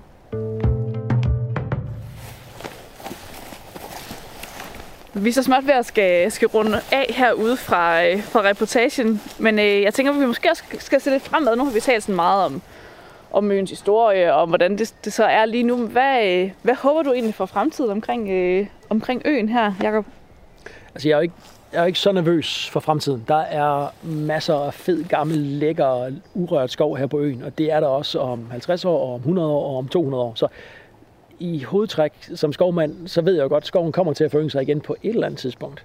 Altså, jeg vil bare være ked af, hvis det lige er de 10 eller 20 år, jeg er inde over som forvalter, at der så smutter 500 øh, arter fra øen øh, undervejs i noget andet. Så jeg håber jo selvfølgelig inderst inde, at vi får øh, lidt styr på mængden af dobbelt, eller i hvert fald får lagt en rigtig god plan for, hvor mange dyr er det så egentlig, vi skal tolerere, så jeg kan sove godt om natten igen. Jamen, det, det lyder jo meget godt. Godt med en lys fremtid for, øh, for Æbelø og for, for arterne forhåbentlig også. Ja, og så, og så får vi jo resultatet, kan man sige, af det her baseline herovre fra. Det er altid spændende. Vi har lavet det på Filsø, vi har lavet det i et lille vildmus, inden vi kastede også en masse ting i forbindelse med, med skovene deroppe, og vi har lavet det på, på Søhold Storskov nede på, øh, på, øh, på Lolland her øh, sidste sæson, og nu gør vi det her på Æbelø den her sæson. Det er altid et fedt udgangspunkt, kan man sige, at forvalte ud fra, og det kunne jeg unde alle at have mulighed for at få lavet sig en rigtig god baseline. Ikke? Det mangler nogle gange i nogle projekter. Og så kan vi jo stå 10 eller 20 år senere og sige os bare, nå, blev det så godt? Ja, det tror vi. Men man har ikke lige fundet ud af, hvad var, hvad var udgangspunktet for det. Vi har jo et godt udgangspunkt herovre fra Æbelø, men, men det er jo ikke lavet efter sådan nogle ligesom sige, sådan helt systematiske metoder. Så, så vi har et, et udgangspunkt for, hvor mange forskellige arter, og en tredjedel af alle træbukke i Danmark, og altså de der 1100 eller andet, nogle af øh, billearter. Og sådan. Altså, der er en rig øh, øh, diversitet hov, det er slet, slet ikke nogen tvivl om. Jeg vil bare være ked af at komme til at miste 50 eller 100 af dem, kan man sige, undervejs i et eller andet overgræsningsregime, kan man sige, i 10 år, hvis det var det. Men det kan også godt være, at vi får resultater øh, fra baseline, der siger, at du skal bare have is i maven og, og slappe af, og, og så, så går tingene sin gang. Og det kan da godt være, der går 5 eller 10 eller 15 år, inden at der er styr på, på mængden af dobbelt. Øh, og så er, det bare, så er det bare det. Men det vil være fedt at have på skrift fra nogle eksperter, der så kan fortælle mig, at du skal bare slappe helt af og, og tage det roligt, så skal det nok gå. Jamen, det bliver helt sikkert spændende at følge, hvad der kommer til at ske fremadrettet. I hvert fald, øh, I hvert fald meget velkommen til at komme med herover igen om en 5-10 år, hvis jeg har lyst til det. Jamen, det gør vi. Fedt. Vi skriver det i kalenderen. Vi laver en aftale. Ja. Det var godt. Jamen, øh, jeg vil sige tusind tak, Jacob, fordi du vil øh, vise os rundt her på, på Æbelø og fortælle os lidt mere om øh, kring dårdyrene her. Tak, Jamen, fordi du var med. øh, velbekomme. Det har været en fornøjelse at have med. Så er vi ved at være færdige med dagens program.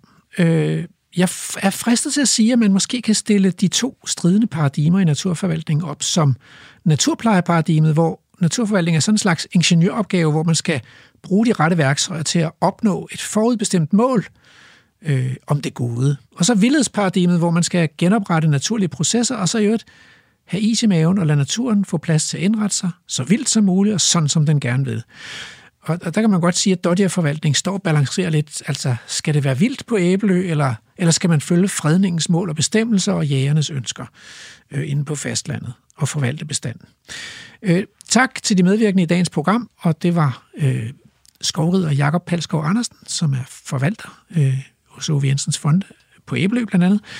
Og så var det øh, biolog og seniorforsker Peter Sunde, som fortalte os om hjortevildets levevis. Så var det biolog og jæger Niels Kanstrup, som fortalte os om de mange forskellige typer af jæger i Danmark. Og endelig tak til programs producer Andrew Davidson og Emma Holtet. Og så er vi nået frem til dagens haiku. Hegnsløs æbelø. For mange kloge dodger. Nok et dyrskue.